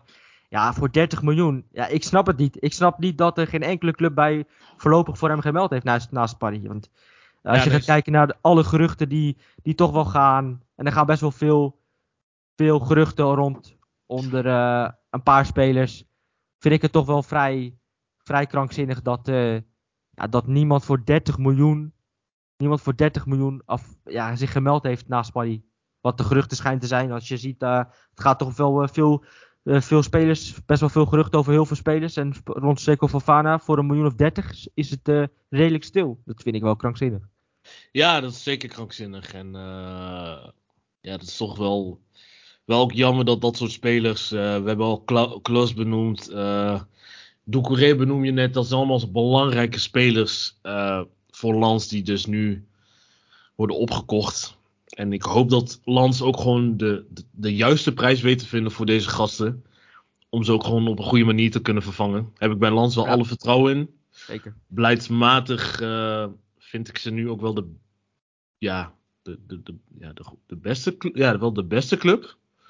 Ook Omdat ze ook een beetje origineel zijn met aankopen die ze doen. En ehm, ja, ja, terugkomt op Seco Fofana. Ik, eh, ik ben benieuwd waar, wie hem gaat halen. Want ik Ja, zou het echt ook. verbazingwekkend zitten, Ja, eh, vinden ja, als, als hij nog een seizoen blijft bij eh, Racing Club de Lans. ik zou het niet erg vinden trouwens, want dan kunnen we nog een jaar van hem genieten bij Lans. Nee, Maar- dat is ook zo. ik ken hem natuurlijk van zijn tijd bij Udinese. Ehm, ik heb hem gezien toen tegen Juventus. Dat, dat hij compleet de licht echt een Ja. actie had, dat hij de licht uitkapte en dat de licht gewoon, ja, gewoon helemaal werd, werd dat bos werd gestuurd en dat hij uiteindelijk die winnende 2-1 maakte. En ja, en sindsdien eh, ja, ken ik eh Seco Fofana opeens en, en ja, in de league gewoon fantastisch. Dus ja, ik hoop echt dat hij, eh, ik hoop hem echt in de Premier League te zien, want dat is wel ja, een, een niveau waar ik hem wel, wel wil zien, want hij past daar perfect. Ja, zeker. Jouw laatste middenvelder? Maar nou, ik heb er vier natuurlijk. Oh ja. Ik heb vier middenvelders, maar eh, ik heb. ehm, ja, dat is goed. Moet ik even kijken, want ik heb hem openstaan hier. eh, wie ik hier heb. Eh, even kijken. Ja. Ah ja. Ja, we hebben natuurlijk al drie benoemd. Ik, althans, we hebben er al drie benoemd. Dus dit is mijn laatste middenvelder. Ja. Jij hebt natuurlijk nu je drie middenvelders al. Ik heb Lucas Paqueta op het middenveld. Ja, Oké. Lyon heeft een teleurstellend seizoen gehad. Eh, Ja. Maar Lucas Paqueta, die natuurlijk bij AC Milan vertrok. eh, ja, ik vind het echt een, echt een geweldige voetballer. Technisch geweldig. Geweldige paas in de benen. Creëert zoveel. echt, geweldige voetballer. Dat zijn echt voetballers waarvoor je televisie aanzet en waarvoor je eh, voetbal kijkt. Want ik vind het echt een fantastische voetballer die toch heel belangrijk is geweest in een seizoen waarin Lyon niet goed heeft gedraaid. Vond ik hem wel echt eh, ja, een van de betere. Ja, nee, zeker. En eh, Lucas Paqueta is. Ik moet zeggen. Jij als Lyon-fan? heel- Ja, ik, ik moet gewoon heel kritisch zijn. Hij heeft een heel matige tweede helft van het seizoen gehad. Naar mijn, in mijn ogen. Eerst, eerste helft van het seizoen was het fantastisch.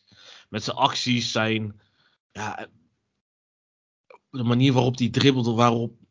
Hij is best wel. eh, Het is gewoon de dreiging die al de constante dreiging die je altijd heeft en de goals en wat dan ook. Het, het is altijd een hele dreig. Ja, hij is altijd dreigend geweest. Vooral het eerste helft van het ook. seizoen. Ook gewoon technisch geweldige voetbal. Echt technisch, Technisch fantastisch. fantastisch. Maar ik moet ook gewoon kritisch zijn van oké, ja, hij heeft wel toch echt een mindere, ja, mindere periode gehad. Twe- tweede helft van het seizoen. Ik weet ook niet hoe het komt. Eh, het is ook een beetje chaotisch. Het is ook best wel chaotisch eh, bij Lyon al de laatste jaren. Ik had ook gerucht gelezen, ik weet niet of dat klopt of, of, wat, of het in de lijn ligt, dat hij, ehm, hij, hij heeft heel goed contact gehad met eh Juninho, de voormalige technische directeur van eh, Olympique Lyon die eh, weg is.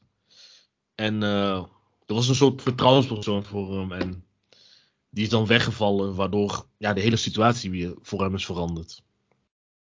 Ja, ik heb hem uiteindelijk wel gek- gekozen op basis van, eh, ja, van, van een geweldige voetballer dat ik hem vind. En eh, Ja, blijkbaar heb ik gewoon die hele eerste seizoen gewoon zo ontzettend in mijn hoofd. Want ik vond hem echt, ik vond hem zeker de eerste seizoen zelf echt heel goed. Als je kijkt hoe naar de, de tweede seizoen zelf iets minder ook qua statistieken. Ehm, mhm. Alleen ik vind het wel echt een geweldige voetballer. En ik vind hem wel de belangrijkste speler geweest van Lyon dit seizoen. Dus gaan we met Lukeba, vond ik ook heel sterk. Achterin. Ehm, maar ik vond hem wel echt heel goed. En ik vind het echt een geweldige voetballer. En ook zeker nadat hij toen bij Milan vertrok. Flop geweest bij Milan. Hoe hij zich eh, bij eh, Lyon heeft, eh, heeft laten zien. Ehm, ook vorig seizoen was hij ook fantastisch. Eh, en dit seizoen, eh, ja, jij ziet wekelijks Lyon dus, jij, eh, Lyon, dus jij zal het wel beter weten. Maar ik vind het wel echt een geweldige voetballer. En hij heeft me wel, ook in heel veel wedstrijden heeft hij me wel, ook wel echt verbaasd. Ja, in het tweede seizoen zelf, als je kijkt, is hij misschien iets minder geweest. Maar zeker de eerste seizoen zelf is hij in zoveel wedstrijden ook gewoon echt fantastisch geweest. En ook de dingen die hij heeft laten zien waren echt, met open mond zat ik daarnaar te kijken. Dus op basis daarvan heb ik wel voor Lucas Paqueta gekozen. Ja, nee, begrijpelijk, begrijpelijk. Het is zeker nog steeds een fantastische voetballer. En eh, ja, het is ook voor hem, eh, ben ik heel benieuwd eh, hoe nu verder. Gaan we naar de aanval. Mag jij, yes. mag jij je eerste speler noemen in de aanval? Ehm, ja, voor de hand liggend.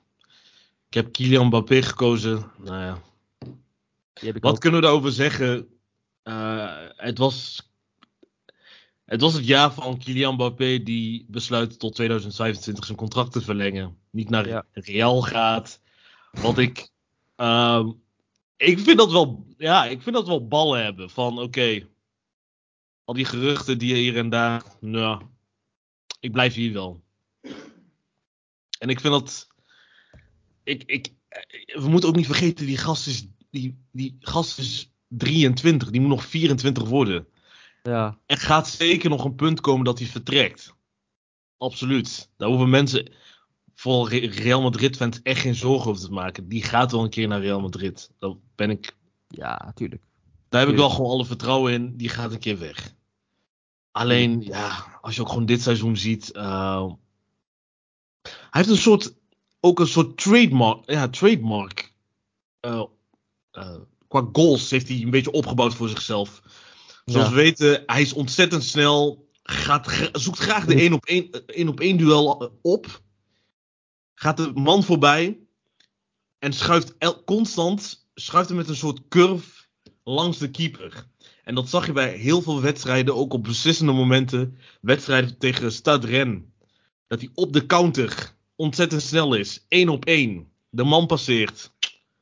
Voorbij gaat en dan gewoon met een laag, laaggeschuifde keeper om, eh, ja, een doelpunt maakt. Ja, fantastisch. Die, Zeker. Er is gewoon te- er, is te veel, er is al te veel gezegd over Mbappé.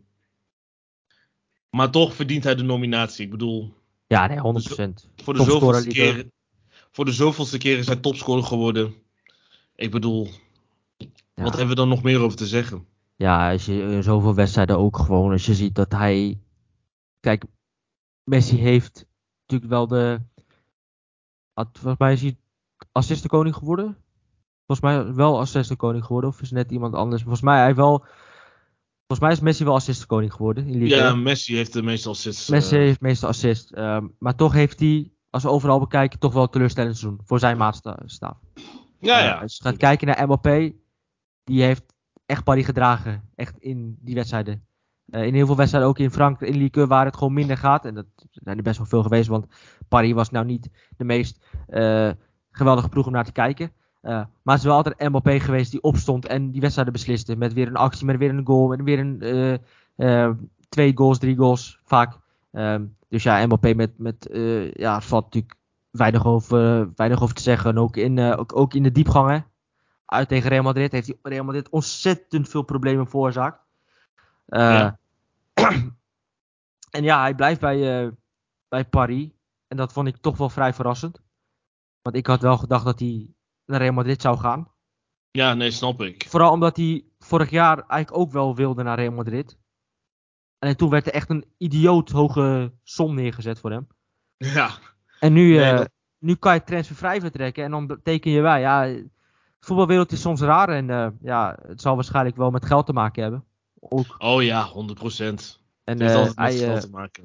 ja, hij blijft dus, dus eh, ja, voor, de, voor, voor, ja, voor de League 1 fans. En is het natuurlijk nog wel, wel mooi om hem te zien volgend jaar. En ja, hij gaat daar volgend jaar gewoon, ja, gewoon een belangrijke speler worden daar. Met, met afstand Ja, de belangrijkste speler bij Paris. En dat, om hem zal wel het elftal worden gebouwd de komende jaren. En hij zal wel daar toch wel willen afsluiten met, eh, met een Champions League titel. Dat zal waarschijnlijk ook wel voor hem echt een ultimate eh, doel zijn om eh, met Paris de Champions League te winnen. Dat zou voor zowel, ja, zowel, eh, vooral voor PSG als het Franse voetbal mooi zijn. Tenminste, ik zou het heel mooi vinden. dat, ze, dat PSG de Champions League, Champions League ooit haalt. Dat, Ondanks, kijk, er zijn altijd mensen die daar ook mee eens zijn. Ik, ja. Je moet ook zo zien, ik, ik- dan, dan, dan zet ik ook mijn bril af van, oh ja, ik heb anti-PSG. PSG is ook gewoon niet mijn favoriete ploeg, maar ik zou het, heel, ik zou het gewoon heel tof vinden als ze het redden. Als ze gewoon een keer die Champions League binnenhalen. Het zal gewoon mooi zijn voor de zal heel mooi zijn voor de competitie. En voor de club natuurlijk. Of eh, even tussendoor eh, heel ander nieuws. Eh, ik lees hier net dat eh Sadio Mane naar Bayern, Bayern dat het dan deal is. Fabrizio Romano. het is officieel! Het is officieel. Sadio Mane is set to join Bayern on a permanent deal from Liverpool. Here we go. Agreement set to be reached after direct meeting between the two clubs today. Oh, Personal terms already 100% agreed on a three- three-year deal. Dus eh, als het goed is, eh, wordt hij binnenkort eh, ja, gepresenteerd. Dus eh, ja, here we go. Dus het is dan deal. Dus eh, dat las ik net, dus dat wilde ik even delen. wauw, dat is een. ik, zat, er, zat in de lucht, maar eh, het is toch het wel zat eh, in de lucht, maar. om, eh, om dat officieel te doen. Want het is wel echt een grote transfer. Sadio Mane naar Oh. Bayern. Ik, ik, ik zag dit niet aankomen. Ja, nee, wel, je ziet het wel Ja, je aankomen. ziet het wel aankomen, want ze hebben natuurlijk ook Maar- Nunez gehaald. eh, ze hebben natuurlijk al wel zitten kijken naar vervanging. alleen het is wel, ja, het is, je had het een paar maanden le- geleden niet, niet te durven, durven te zeggen dat, dat, eh, dat hij zo'n stap zou maken. Maar eh, Ik vind, heel, ik vind het vooral heel jammer. Want ja, Sadio Mane is naar mijn mening ja, een van de beste buitenspelers van de, ja, van de Premier League. ja. En het is toch wel eh, ja, best wel jammer dat zo'n kaliber speler naar, de, naar Duitsland gaat. Maar het is ook wel leuk om te zien dat, dat er een keer zo'n zo'n stap wordt gemaakt in plaats van Ja, andersom. zeker. Meestal gaan spelers van de Bundesliga graag naar de Premier League. En nou, nu is het andersom. We gaan naar Bayern Ja. München. Dus uh, Ja, we zullen zeker. zien hoe dat uh, volgend jaar gaat uit, uitpakken. We gaan naar de, naar de tweede aanvaller. Uh, een aanvaller die wij allebei hebben. Want onze derde, derde aanvaller, kunnen we vast verklappen, is... we hebben niet allebei... de laatste twee zijn niet allebei hetzelfde. Maar de speler die wij wel allebei hebben is Dimitri Payet. Nee, Ja. oh, oh, oh. Dimitri Payet heb ik niet, hè? Had je geen Dimitri Payet? Of heb je dat, Nee. heb je dat aangepast nog? Ik heb dat aangepast. Hij heeft ja. het aangepast. Oké. Nou, dan he- ik heb wel Dimitri Payet. Eh, hij heeft geen Dimitri Payet. Hij heeft mij gisteren de elftal doorgestuurd en eh, daar stond eh, Dimitri Payet wel bij. Maar hij heeft ja, het aangepast. Dan ben ik wel heel benieuwd. Dus extra spannend maakt dat. ik heb wel Dimitri Payet. Ehm, ja, ik vind het een fantastische voetballer. En als je gaat kijken, hij speelt natuurlijk vaak als valse spits. Als, en hij vaak natuurlijk ook in die wedstrijd tegen Feyenoord hebben we kunnen zien dat hij ja, iemand is heel vaak in de bal komt. En dat hij ook eh, heel, eh, qua beweging heel goed is. En ook eh, in zijn passing spelers wegsturen in de diepte, kansen creëren, Ja. doelpunten maken, traptechniek, vrije trappen. Hij is gewoon een belangrijkste speler geweest van Marseille dit seizoen. Naast Ja, absoluut. Saliba. En ik heb echt van hem genoten. Ook, ik kan me nog een heel goed wedstrijd herinneren. De eerste speeldag was het volgens mij thuis tegen uit bij Montpellier. Stonden ze 2-0 achter. En hij draait Ja. bijna in zijn eentje de hele wedstrijd om. En dat was wel... Hij was die fantastisch. Dat was wel een van de. Ja, het begin van, van hoe zijn seizoen is gelopen uiteindelijk. Eh, ja, geweldig eh, seizoen. En ik denk nog steeds, en daar zullen waarschijnlijk Feyenoord fans misschien niet met me eens zijn, maar dat als hij niet geblesseerd was geraakt, dat Marseille die wedstrijd had gewonnen. Oh, 100%. In die wedstrijd tegen 100%. Feyenoord. Als hij niet geblesseerd was geraakt, dan hadden ze die wedstrijd echt gewonnen. Want ook in die wedstrijd tegen Feyenoord hadden ze zeker de eerste helft, maar ook de tweede helft. Toen hij toch meer aan de linkerkant ging spelen. eh, want in de eerste helft ging hij toch, eh, zakte hij elke keer in en had Feyenoord heel moeilijk mee. En de tweede helft ging hij toch wat meer aan de linkerkant spelen. Eh, maar het is echt een hele slimme speler die ook in de manier van lopen en eh, in, zijn traptechniek. Een geweldige voetballer die eh, ja, bij West Ham waarschijnlijk nog steeds wordt uitgekotst. Ehm, maar ja, teruggegaan is naar Marseille en het daar gewoon heel goed doet. Ja, nee, zeker. En eh, ja, ik zat te twijfelen tussen Dimitri Payet en een andere speler die ik straks ga benoemen. Maar Dimitri, Payet, eh, Dimitri Payet hoort er zeker in. En eh, ja, ook gewoon weer... Eh, Dimitri Payet is altijd garantie op mooie goals. En ja, wat is er nou... Oh, die wedstrijd tegen in de Conference League. Goh, Paul, was dat hoor? die, die goal, die, die volley tegen Pauk. Ik bedoel, Oei, oei, oei. Dat is wel Puskas eh, Award waardig. Ja, Puskas Award wa- waardig. En ehm, hij is ook al 35. En hij, hij, ja, het, het lijkt alsof, alsof, alsof het nog door kan gaan bij hem. En dat is wel gewoon een fijn gevoel dat we nog een paar jaartjes kunnen genieten van hem. En, eh, Ja, dat fantastisch. hij zijn carrière ook gewoon mooi, fijn kan afsluiten bij, eh, bij, bij, bij Olympique Marseille. Waar hij wel iets aan zijn heeft gedragen. Ja, dat komt nooit meer goed. je mag wel iets meer aan Dat de komt nooit zien, goed. Met alle respect, Nee. ik vind het wel leuk als andere mensen wat eh, speciaals hebben aan hun kapsel, maar dat, dat gaat bij mij wel iets te ver. Eh, maar goed, hij moet het Nee. zelf weten. Het gaat uiteindelijk om de kwaliteit op het veld en daarin eh, vond ik hem dit seizoen echt fantastisch. ja. En toch bijgedragen aan, eh aan de Champions League ticket. En, nou ja, bijgedragen, een hele grote bijdrage gehad eh, aan het eh, behalen van de tweede plek. Misschien met iets wat geluk op het eind, maar Ja, nee, zeker. Met wat geluk. Ja, in de geluk van, gekregen. geluk van, geluk van shout-out naar Land, zullen ze zeggen Ja. bij Marseille. Maar eh, ze hebben het uiteindelijk gewoon gedaan. Ze hebben die wedstrijd gewonnen tegen Strasbourg. En ervoor gezorgd dat, eh, ja, dat ze niet. Ja, ze, tuurlijk, ze waren afhankelijk van eh, die wedstrijd. Maar ze hebben toen geflikt. En ja, met Payet was. Ja, ik denk dat dat niet was gelukt. Want Payet, Payet is ook gewoon creatieve brein in dat elftal. Zeker. Alles gaat via hem. Dat hebben we tegen Feyenoord ook gewoon kunnen Alles zien. via- Al- alle ballen via gaan hem. naar Payet. Alle ballen gaan naar Payet. Alle ballen gaan naar Payet. En dat is wel een zorgwekkend dingetje.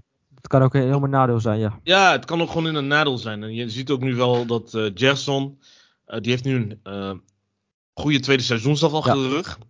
Ik ben heel benieuwd eh, hoe hij het volgend jaar gaat doen. Of hij die lijn kan doorzetten.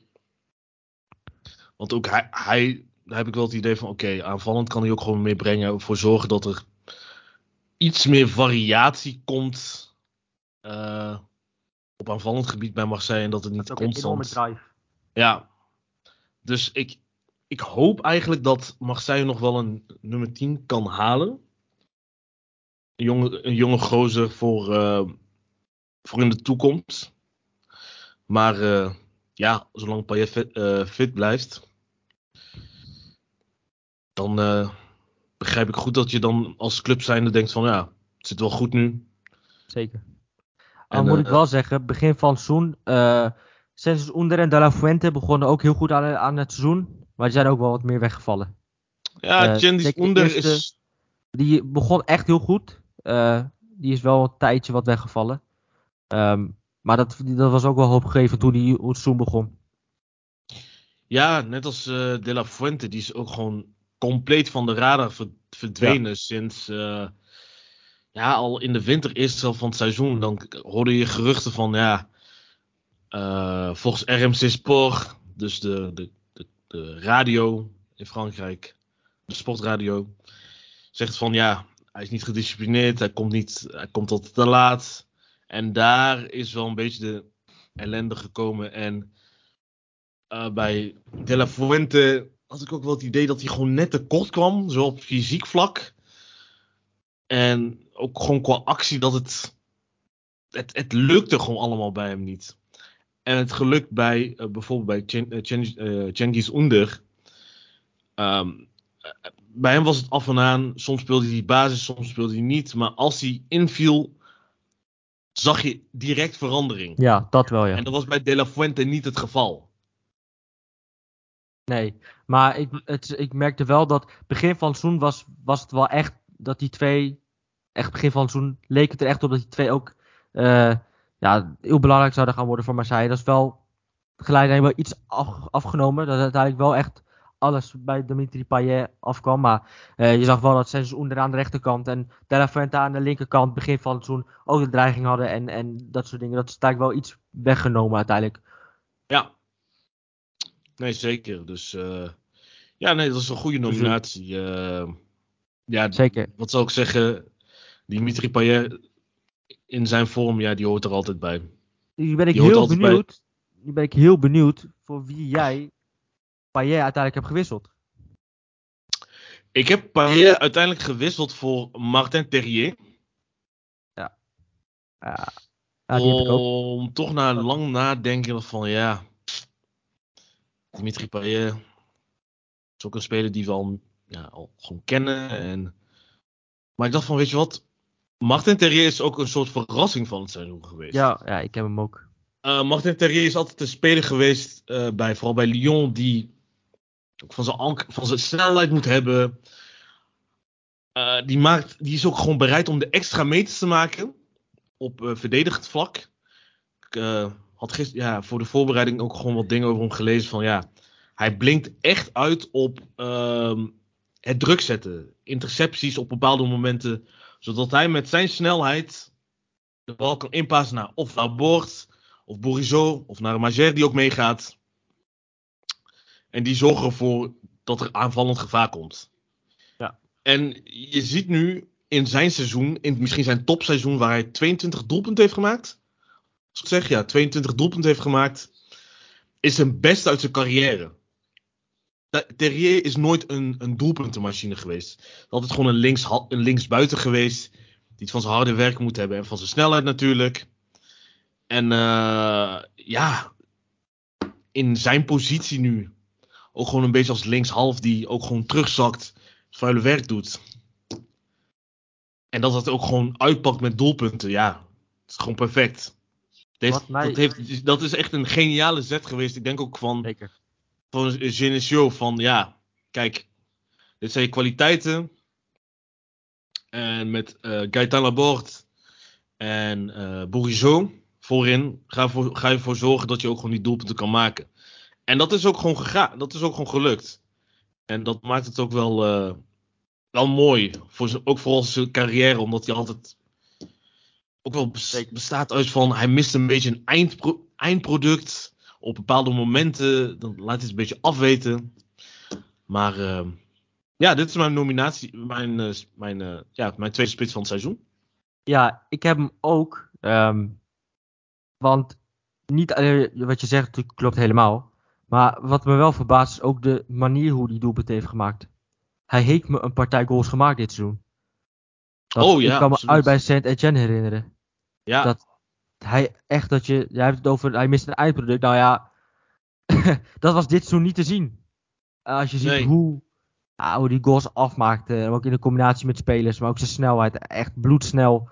Eh, ja, het is gewoon een hele belangrijke speler geweest. Echt, echt eh, de afmaker geweest bij uh, Stade eh, dit seizoen. En eh, ja, 22 goals. Ja, dat is krankzinnig.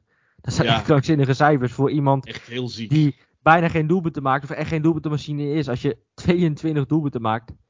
Volgens mij zijn er gewoon topscorers geweest die, nooit, die geen 22 doelpunten hebben gemaakt in een seizoen.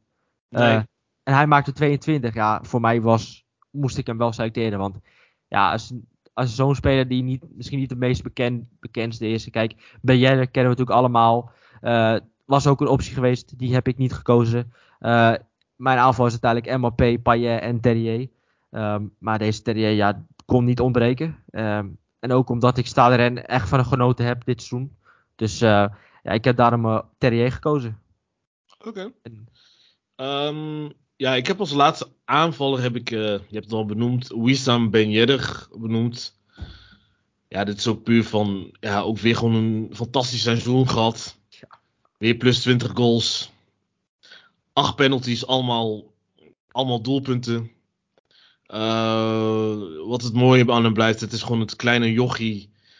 Dat straatvoetbal jochie die, die dat gewoon ontzettend goed inzet. Ja, daar goed, ontzettend goed gebruik van maakt. Van zijn techniek. Ook een deel van zijn fysiek. Kan hard, ja, ja het, is, het, is een, het blijft een complete spits. Ook gewoon voor zijn lengte. En ik weet niet, jij als. Jij bent Sevilla-fan. En ik Ja. weet niet hoe dat voor je was dat hij zei van ja, ik ga uiteindelijk weer eh, terug naar Frankrijk. Voor mij was het een grote verrassing. Voor mij Omdat ook. wel het idee had dat hij toen op zijn plek was. Kan ik me herinneren. Ja, ook omdat Monaco ook niet in de beste periode zat. Hè. Monaco was, het was toen, Monaco was toen kampioen geworden. Hè. En toen takte het enorm weg. Toen speelden ze ook Ja, tegen klopt. degradatie. En in die periode ging hij naar Monaco. Dus dat vond ik vreemd. Dat hij die stap maakte. Want eh, hij had best wel clubs voor het uitkiezen. Hè, bij, bij, toen hij bij, bij Sevilla zat. En ja, daar heeft hij natuurlijk ook fantastisch gedaan. En toen ging hij daarheen. Hij heeft volgens mij in zijn eerste seizoen gelijk... eh, eh, heeft hij Monaco omhoog geholpen. Ja. Dus dat zegt ook genoeg. En als je ziet dat hij. ja, we hebben het ook gehad over zevende plek naar derde plek. Daar heeft hij een ze- ontzettend groot aandeel in gehad. Echt een ontzettend groot Ja, aandeel. nee, gehad. zeker. Ehm, dus ja, heel logisch dat je hem gekozen hebt. Dit was mijn vierde aanvaller geweest. Dus dit, deze zat eigenlijk. Kan je zeggen, deze had ik ook moeten kiezen. Deze had ik kunnen kiezen. Eh, uiteindelijk is hij er net buiten gevallen. Maar ik vind wel dat hij voor mijn part wel eh, een, een, een honorable mention is om, om te benoemen. Jij hebt hem dan in je elftal. Maar ik heb hem dan echt als, als honorable mention. Want eh, wat ik me wel, eh, wel opviel. En eh, als ik nu zo de, zijn aantal minuten kijk dit seizoen. eh, valt het wel mee. Maar ik heb een beetje af en toe het gevoel gehad dat hij vaak ook op de bank begon. Ja, klopt.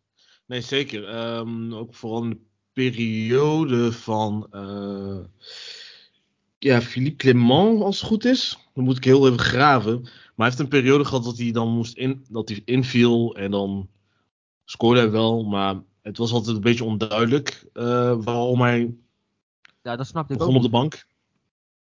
Dus eh, ja, hij heeft het gewoon, hij heeft het gewoon weer eigenlijk, ondanks die periode, heeft hij het gewoon weer laten zien. En dat, eh, Ja, geweldig spelen. Eigenlijk al jaren zo goed. Bij Sevilla goed, maar hij laat het ook bij, bij, bij Monaco ook elk seizoen zien. Dus eh, het is geen eendagsvlieg, maar een speler die elk jaar goed presteert. Dus eh, hopen voor, voor Monaco dat hij volgend jaar de ploeg naar de Champions League kan, kan helpen in die, in die voorbereiding. Mits ze dan Ja, tegen zeker. PSV spelen natuurlijk. ja, zeker.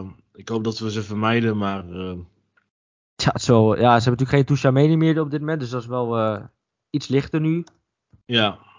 Ehm, ja, heb je nog iets toe te voegen aan, eh aan Bayerder? Nee. Zullen we dan ja, we- gewoon even per. Even gewoon een paar, paar spelers noemen die. die een honorable mentions zijn. Dus jij wil beginnen met een speler te noemen waarvan je denkt. Dat verdient ook wel een kleine nominatie. Eh, ja, zeker. Eh, verrassing van het seizoen is denk ik wel. Ja, verrassing. Ja, verrassing van het seizoen is Uh, Warmet Omari, 21 jaar. Jong uit uh, Marseille die bij Stade Rennes voetbalt. En die is er dus ingekomen in de periode dat uh, Loïc Badet, ook een jong talent van uh, Stade Rennes, gehaald bij, bij Lens, dat hij geblesseerd raakte. Zat niet echt in, was ook niet echt in vorm. Heeft best wel wat slechte wedstrijden gehad. En uh, ja, Warmet Omari heeft dat, ja, heeft eigenlijk sindsdien is hij nooit, sinds hij, sinds Bade geblesseerd is, is hij erin gekomen en is nooit meer vertrokken uit de basiselftal. En vormt, heeft een heel goed duo gevormd samen met uh, Naïef Aguer. En ja, hij valt vooral op met ja, zijn fysiek. Ja, ja, vooral zijn fysiek. Goed aan de bal. Um, ik kan me een wedstrijd herinneren tegen PSG. Ze verliezen wel die wedstrijd, maar hij was ja, vooral de hele wedstrijd. Onderscheppingen, altijd de bal naar voren. Uh, de intercepties was, het was. Hij was echt goed en hij maakte een hele volwassen indruk. Uh, volwassen indruk op me op die leeftijd. En uh, ja, dat is voor mij ook. voor mij sowieso een honor, honorable mention. En ja, als je van technische spelers houdt en die een beetje het gevoel geven dat je richting de mid, mid zeros gaat. Dus dan heb ik het over de, de luie nummer 10, de à la Roman, uh, uh, Juan Roman Riquelme. Dan zou ik vanaf volgend seizoen een paar wedstrijden meepakken van uh, Montpellier. Want daar speelt, denk ik wel, de mooiste middenvelder van de liga. En dat is de TG Savanier. Ja, geweldig speler. Had, had ook prima gekund. Had ook prima gekund. Maar Guendouzi ja, had ook prima gekund. Guendouzi ook, fantastisch seizoen gehad. Um, ja, het, het, waren ook gewoon te veel middenvelders. Ja, en bij, ja, bij... gekozen daardoor. Ik moest er vier kiezen, want ik kon ze niet kwijt. Nee. Nee, en bij uh, bijvoorbeeld, ja, bij, bij Savanier heeft het een beetje pech gehad dat Montpellier, ja, verdedigen stonden ze niet goed. Uh, hebben een heel slecht, slechte tweede helft uh, van het seizoen gehad. Terwijl ze gewoon goed vonden de eerste helft van het seizoen. Ze hebben in de achtste plaats.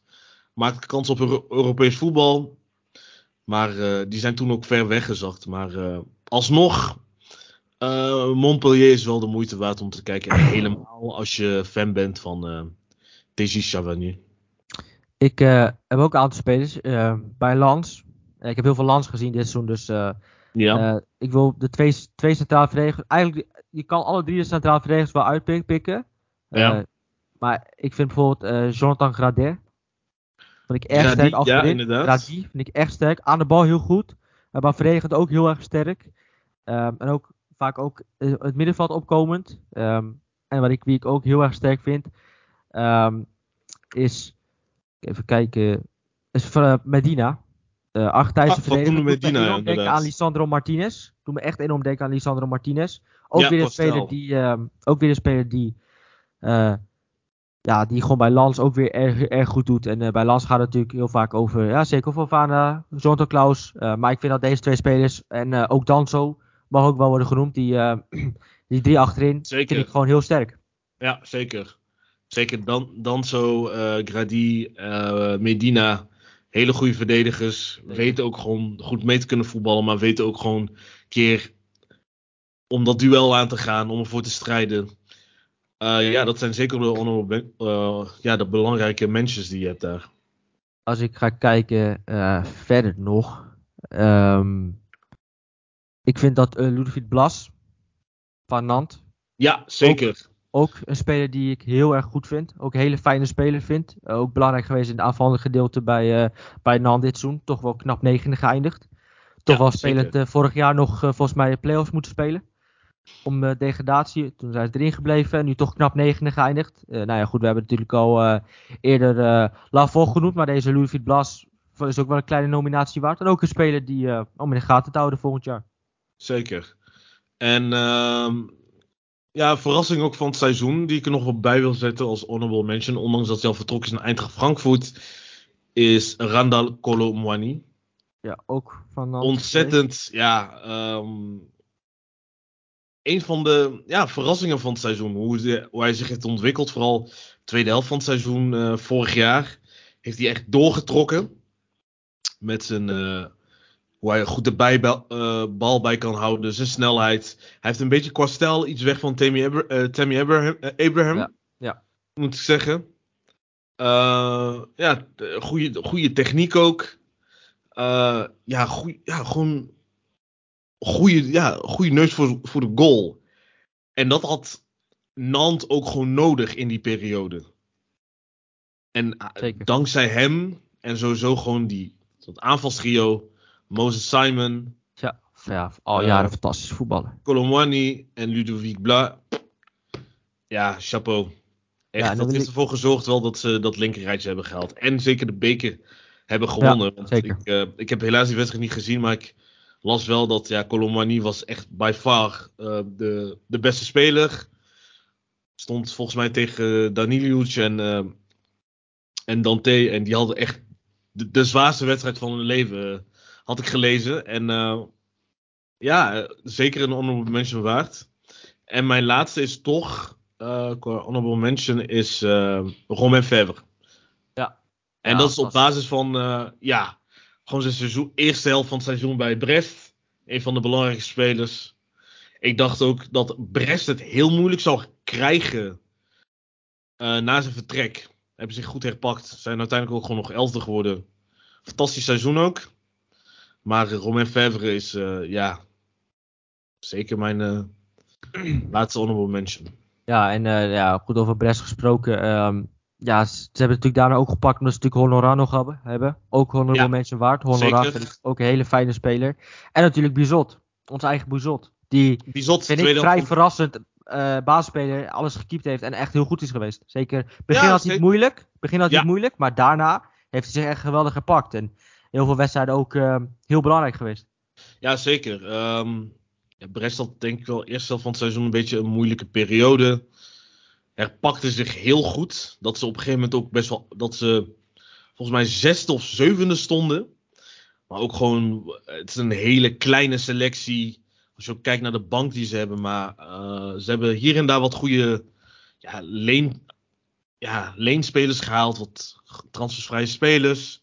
Onder de technisch directeur Gregory, eh, Gregory Lorenzi. En eh, ja, tweede helft van het seizoen is het alleen maar naar een stijgende lijn gegaan. Bizot die heel belangrijk was tegen onder andere eh, tegen Lille, de 2-0 overwinning. Ja. Eh, Satriano, Satriano, heel weinig van gezien, maar wat ik heb gezien is dat wel echt een hele goede spits en ook een hele slimme, slimme aankoop, want die speelde bij Inter onder de 19 bij de Primavera. Dus eh, ja, eh, zeker. eh, en Romain Fèvre die ze ooit transfervrij hebben opgehaald. En weer doorverkocht hebben voor 15 miljoen. Ik bedoel. Ja, Rom, Romain- ja, wat kan je zeggen over Romain Fèvre? Het Ja, fijne voetballer. fijne Hele voetbal fijne om voetbal. te zien. En ook gewoon de rust. Dat die, die ook voor de goal af en toe de st- stiftjes heel rustig blijft voor de goal ook. Ja, ja. geweldige techniek. En ook bij Lyon heeft hij ook wedstrijden gespeeld. dat hij dat hij daar ook goed is. Zie je ook wel daar zijn, zijn, zijn, eh, ja, zijn klasse zie je daar. Dus eh is ook wel een speler om in de gaten te houden volgend jaar weer. Is een ja, zeker. speler. En ik vind dat we ook nog bij Strasbourg. eh, ja, misschien wel de grootste cultheld.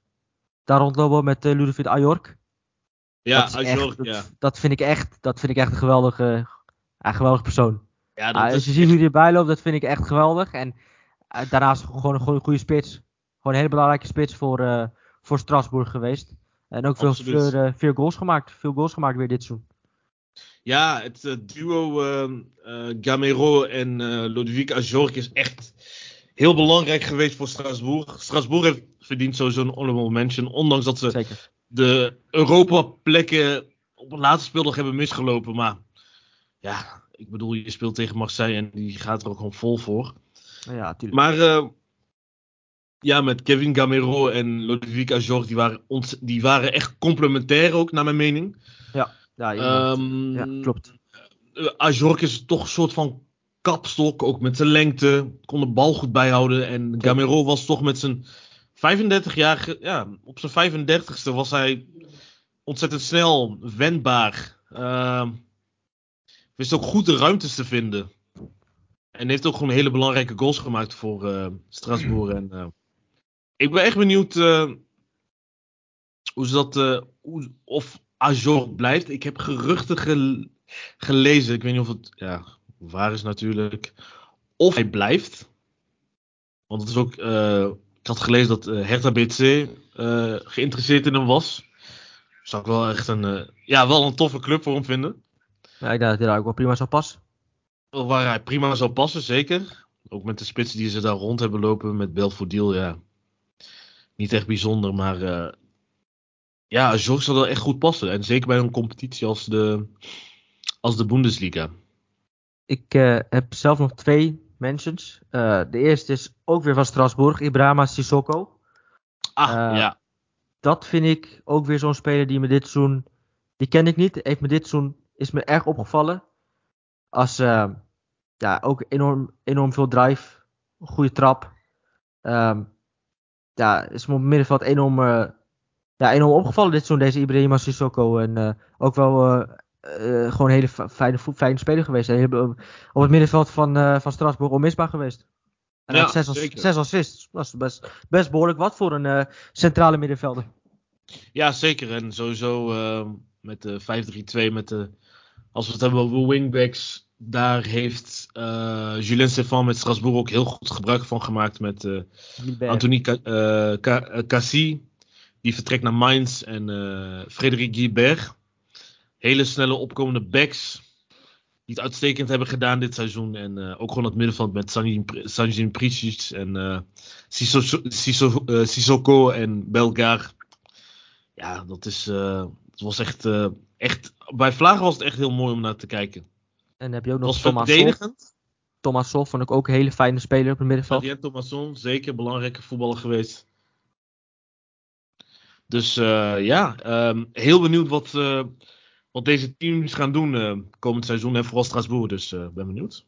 Mijn laatste speler, ehm, waar ik ook van genoten heb, is eh Gouiri van Nice. Amin Gouiri, ja zeker. Ook een hele ja, talent. Als je ook ziet hoe hij bij, eh, bij, de, bij de jeugdelftallen ook weer presteert. Eh, ja, fijne voetbal ook. Veel gaat ook via hem bij Nice. Eh, En gewoon een hele fijne speler met een fijne trap. En eh, eh, daar lopen er gewoon ook weer heel veel van in Frankrijk. Maar het is ook wel een speler die ik wel graag genoemd wilde hebben. Ja, zeker, zeker. Eh, ja, Amin Gouiri, ik denk dat een groot deel van, eh, van de mensen die dit luisteren wel een beetje kennen. Amin Gouiri, snelle spits. Heeft qua stijl, ik ga niet, klinkt overdreven, maar hij heeft wel iets van Benzema in zich. Ja, ook in het eh, meevoetballen en in Het het bal. meevoetballen en het laat zich ook in goede momenten laat zich dan terugzakken, zodat hij de aanval kan opzetten. Zeker. Heel snel.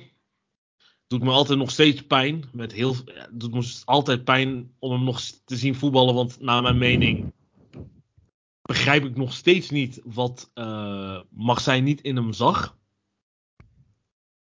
Ja, ik dacht van ja, dit, dit, dit, dit, is een speler die je bij moet hebben. Met zijn Ja. kwaliteit als spits.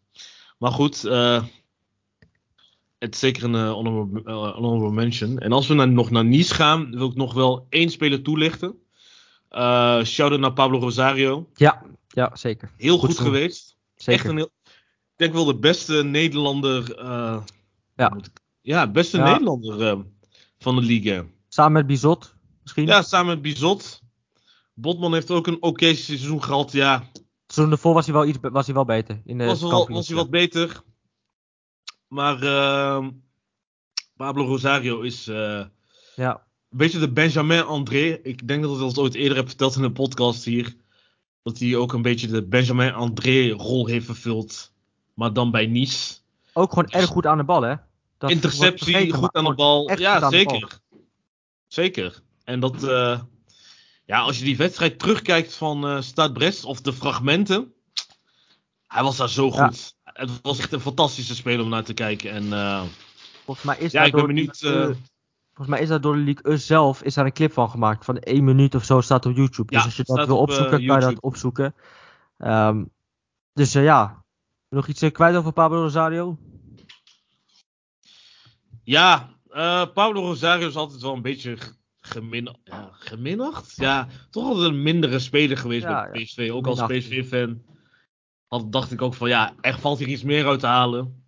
Maak dan die stap naar Frankrijk. Denk ik van oké, nou, interessante stap.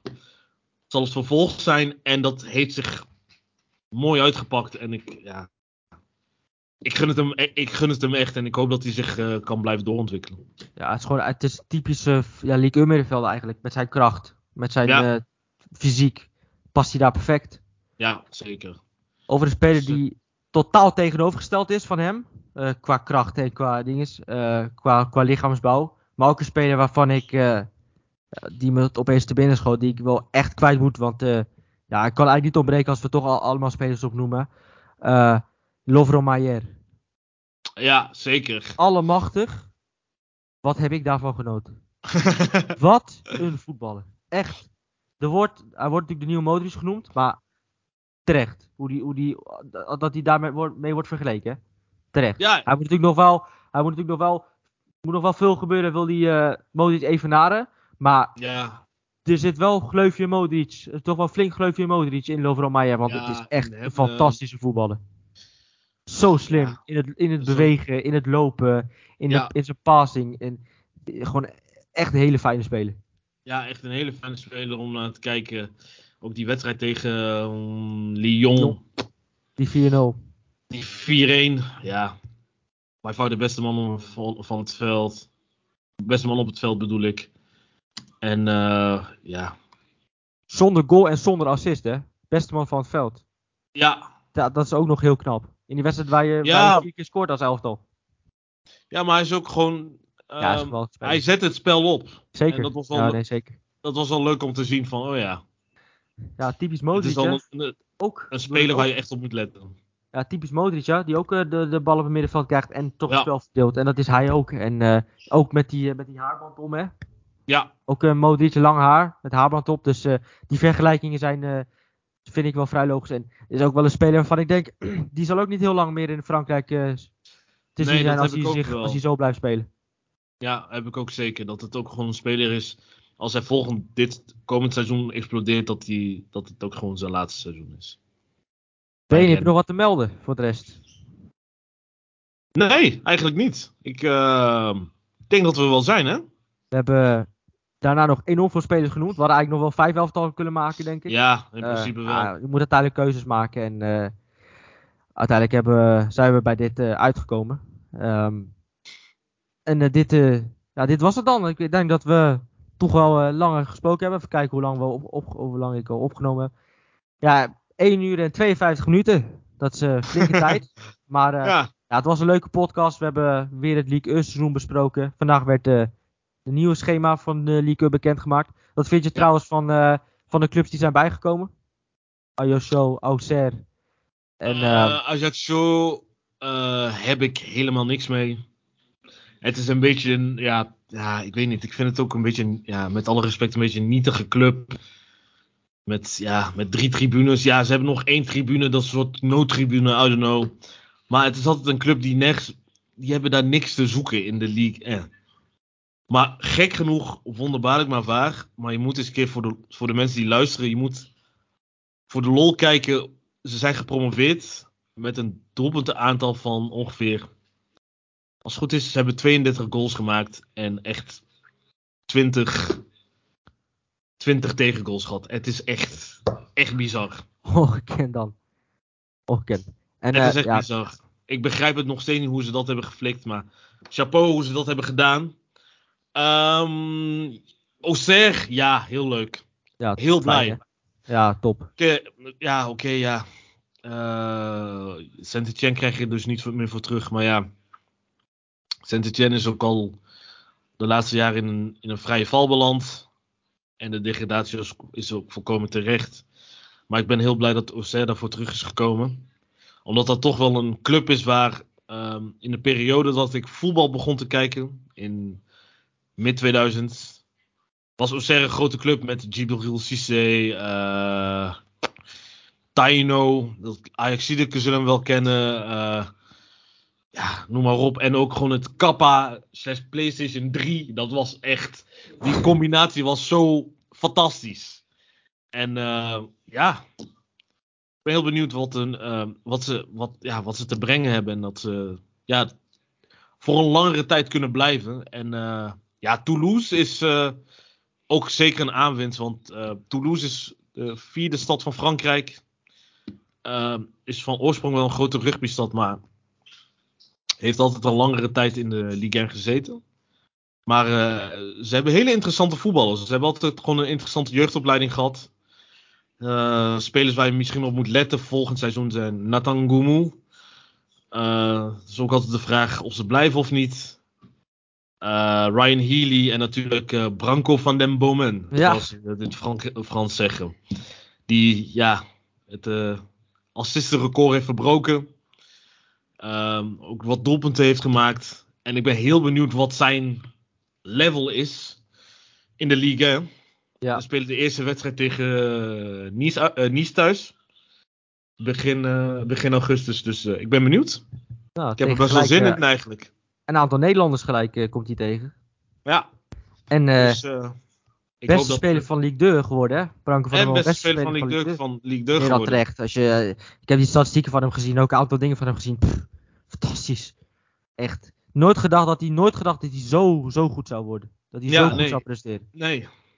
Nee, ik ook niet. Ik ook niet. Het was voor mij een volkomen verrassing. Volgend, uh, het seizoen daarvoor liet het ook wel zien. Mindere ja. mate wel. Maar liet zien van oké, jij kan dat niveau aan. Het is wel een fysieke competitie. Uh, de Ligue, uh, Ligue 2. Wordt heel veel verdedigd. Heel veel countersnelle spelers. Middenvelders die echt. Ja, gewoon echt beesten van een spelers zijn. En uh, ja, Branko van der Bomen stak daar met uh, kop en schouders bovenuit. Dus ik ben benieuwd. Ja, dan sluiten we hiermee het, ja, het League seizoen 2021-2022 af. Terwijl we ook nog een klein beetje hebben teruggeblikt, of vooruit hebben gekeken naar het seizoen 2022-2023. Laten we hopen dat het uh, ja, weer zo'n mooi seizoen wordt. We zijn natuurlijk wel uh, een aantal uh, spelers kwijt in Lieke. En ja, laten we hopen dat weer andere spelers weer opstaan. En dat we volgend seizoen weer een heel mooi Lieke seizoen tegemoet zien. Dankjewel Beni voor je tijd. En tot de volgende podcast weer. Yes, dankjewel.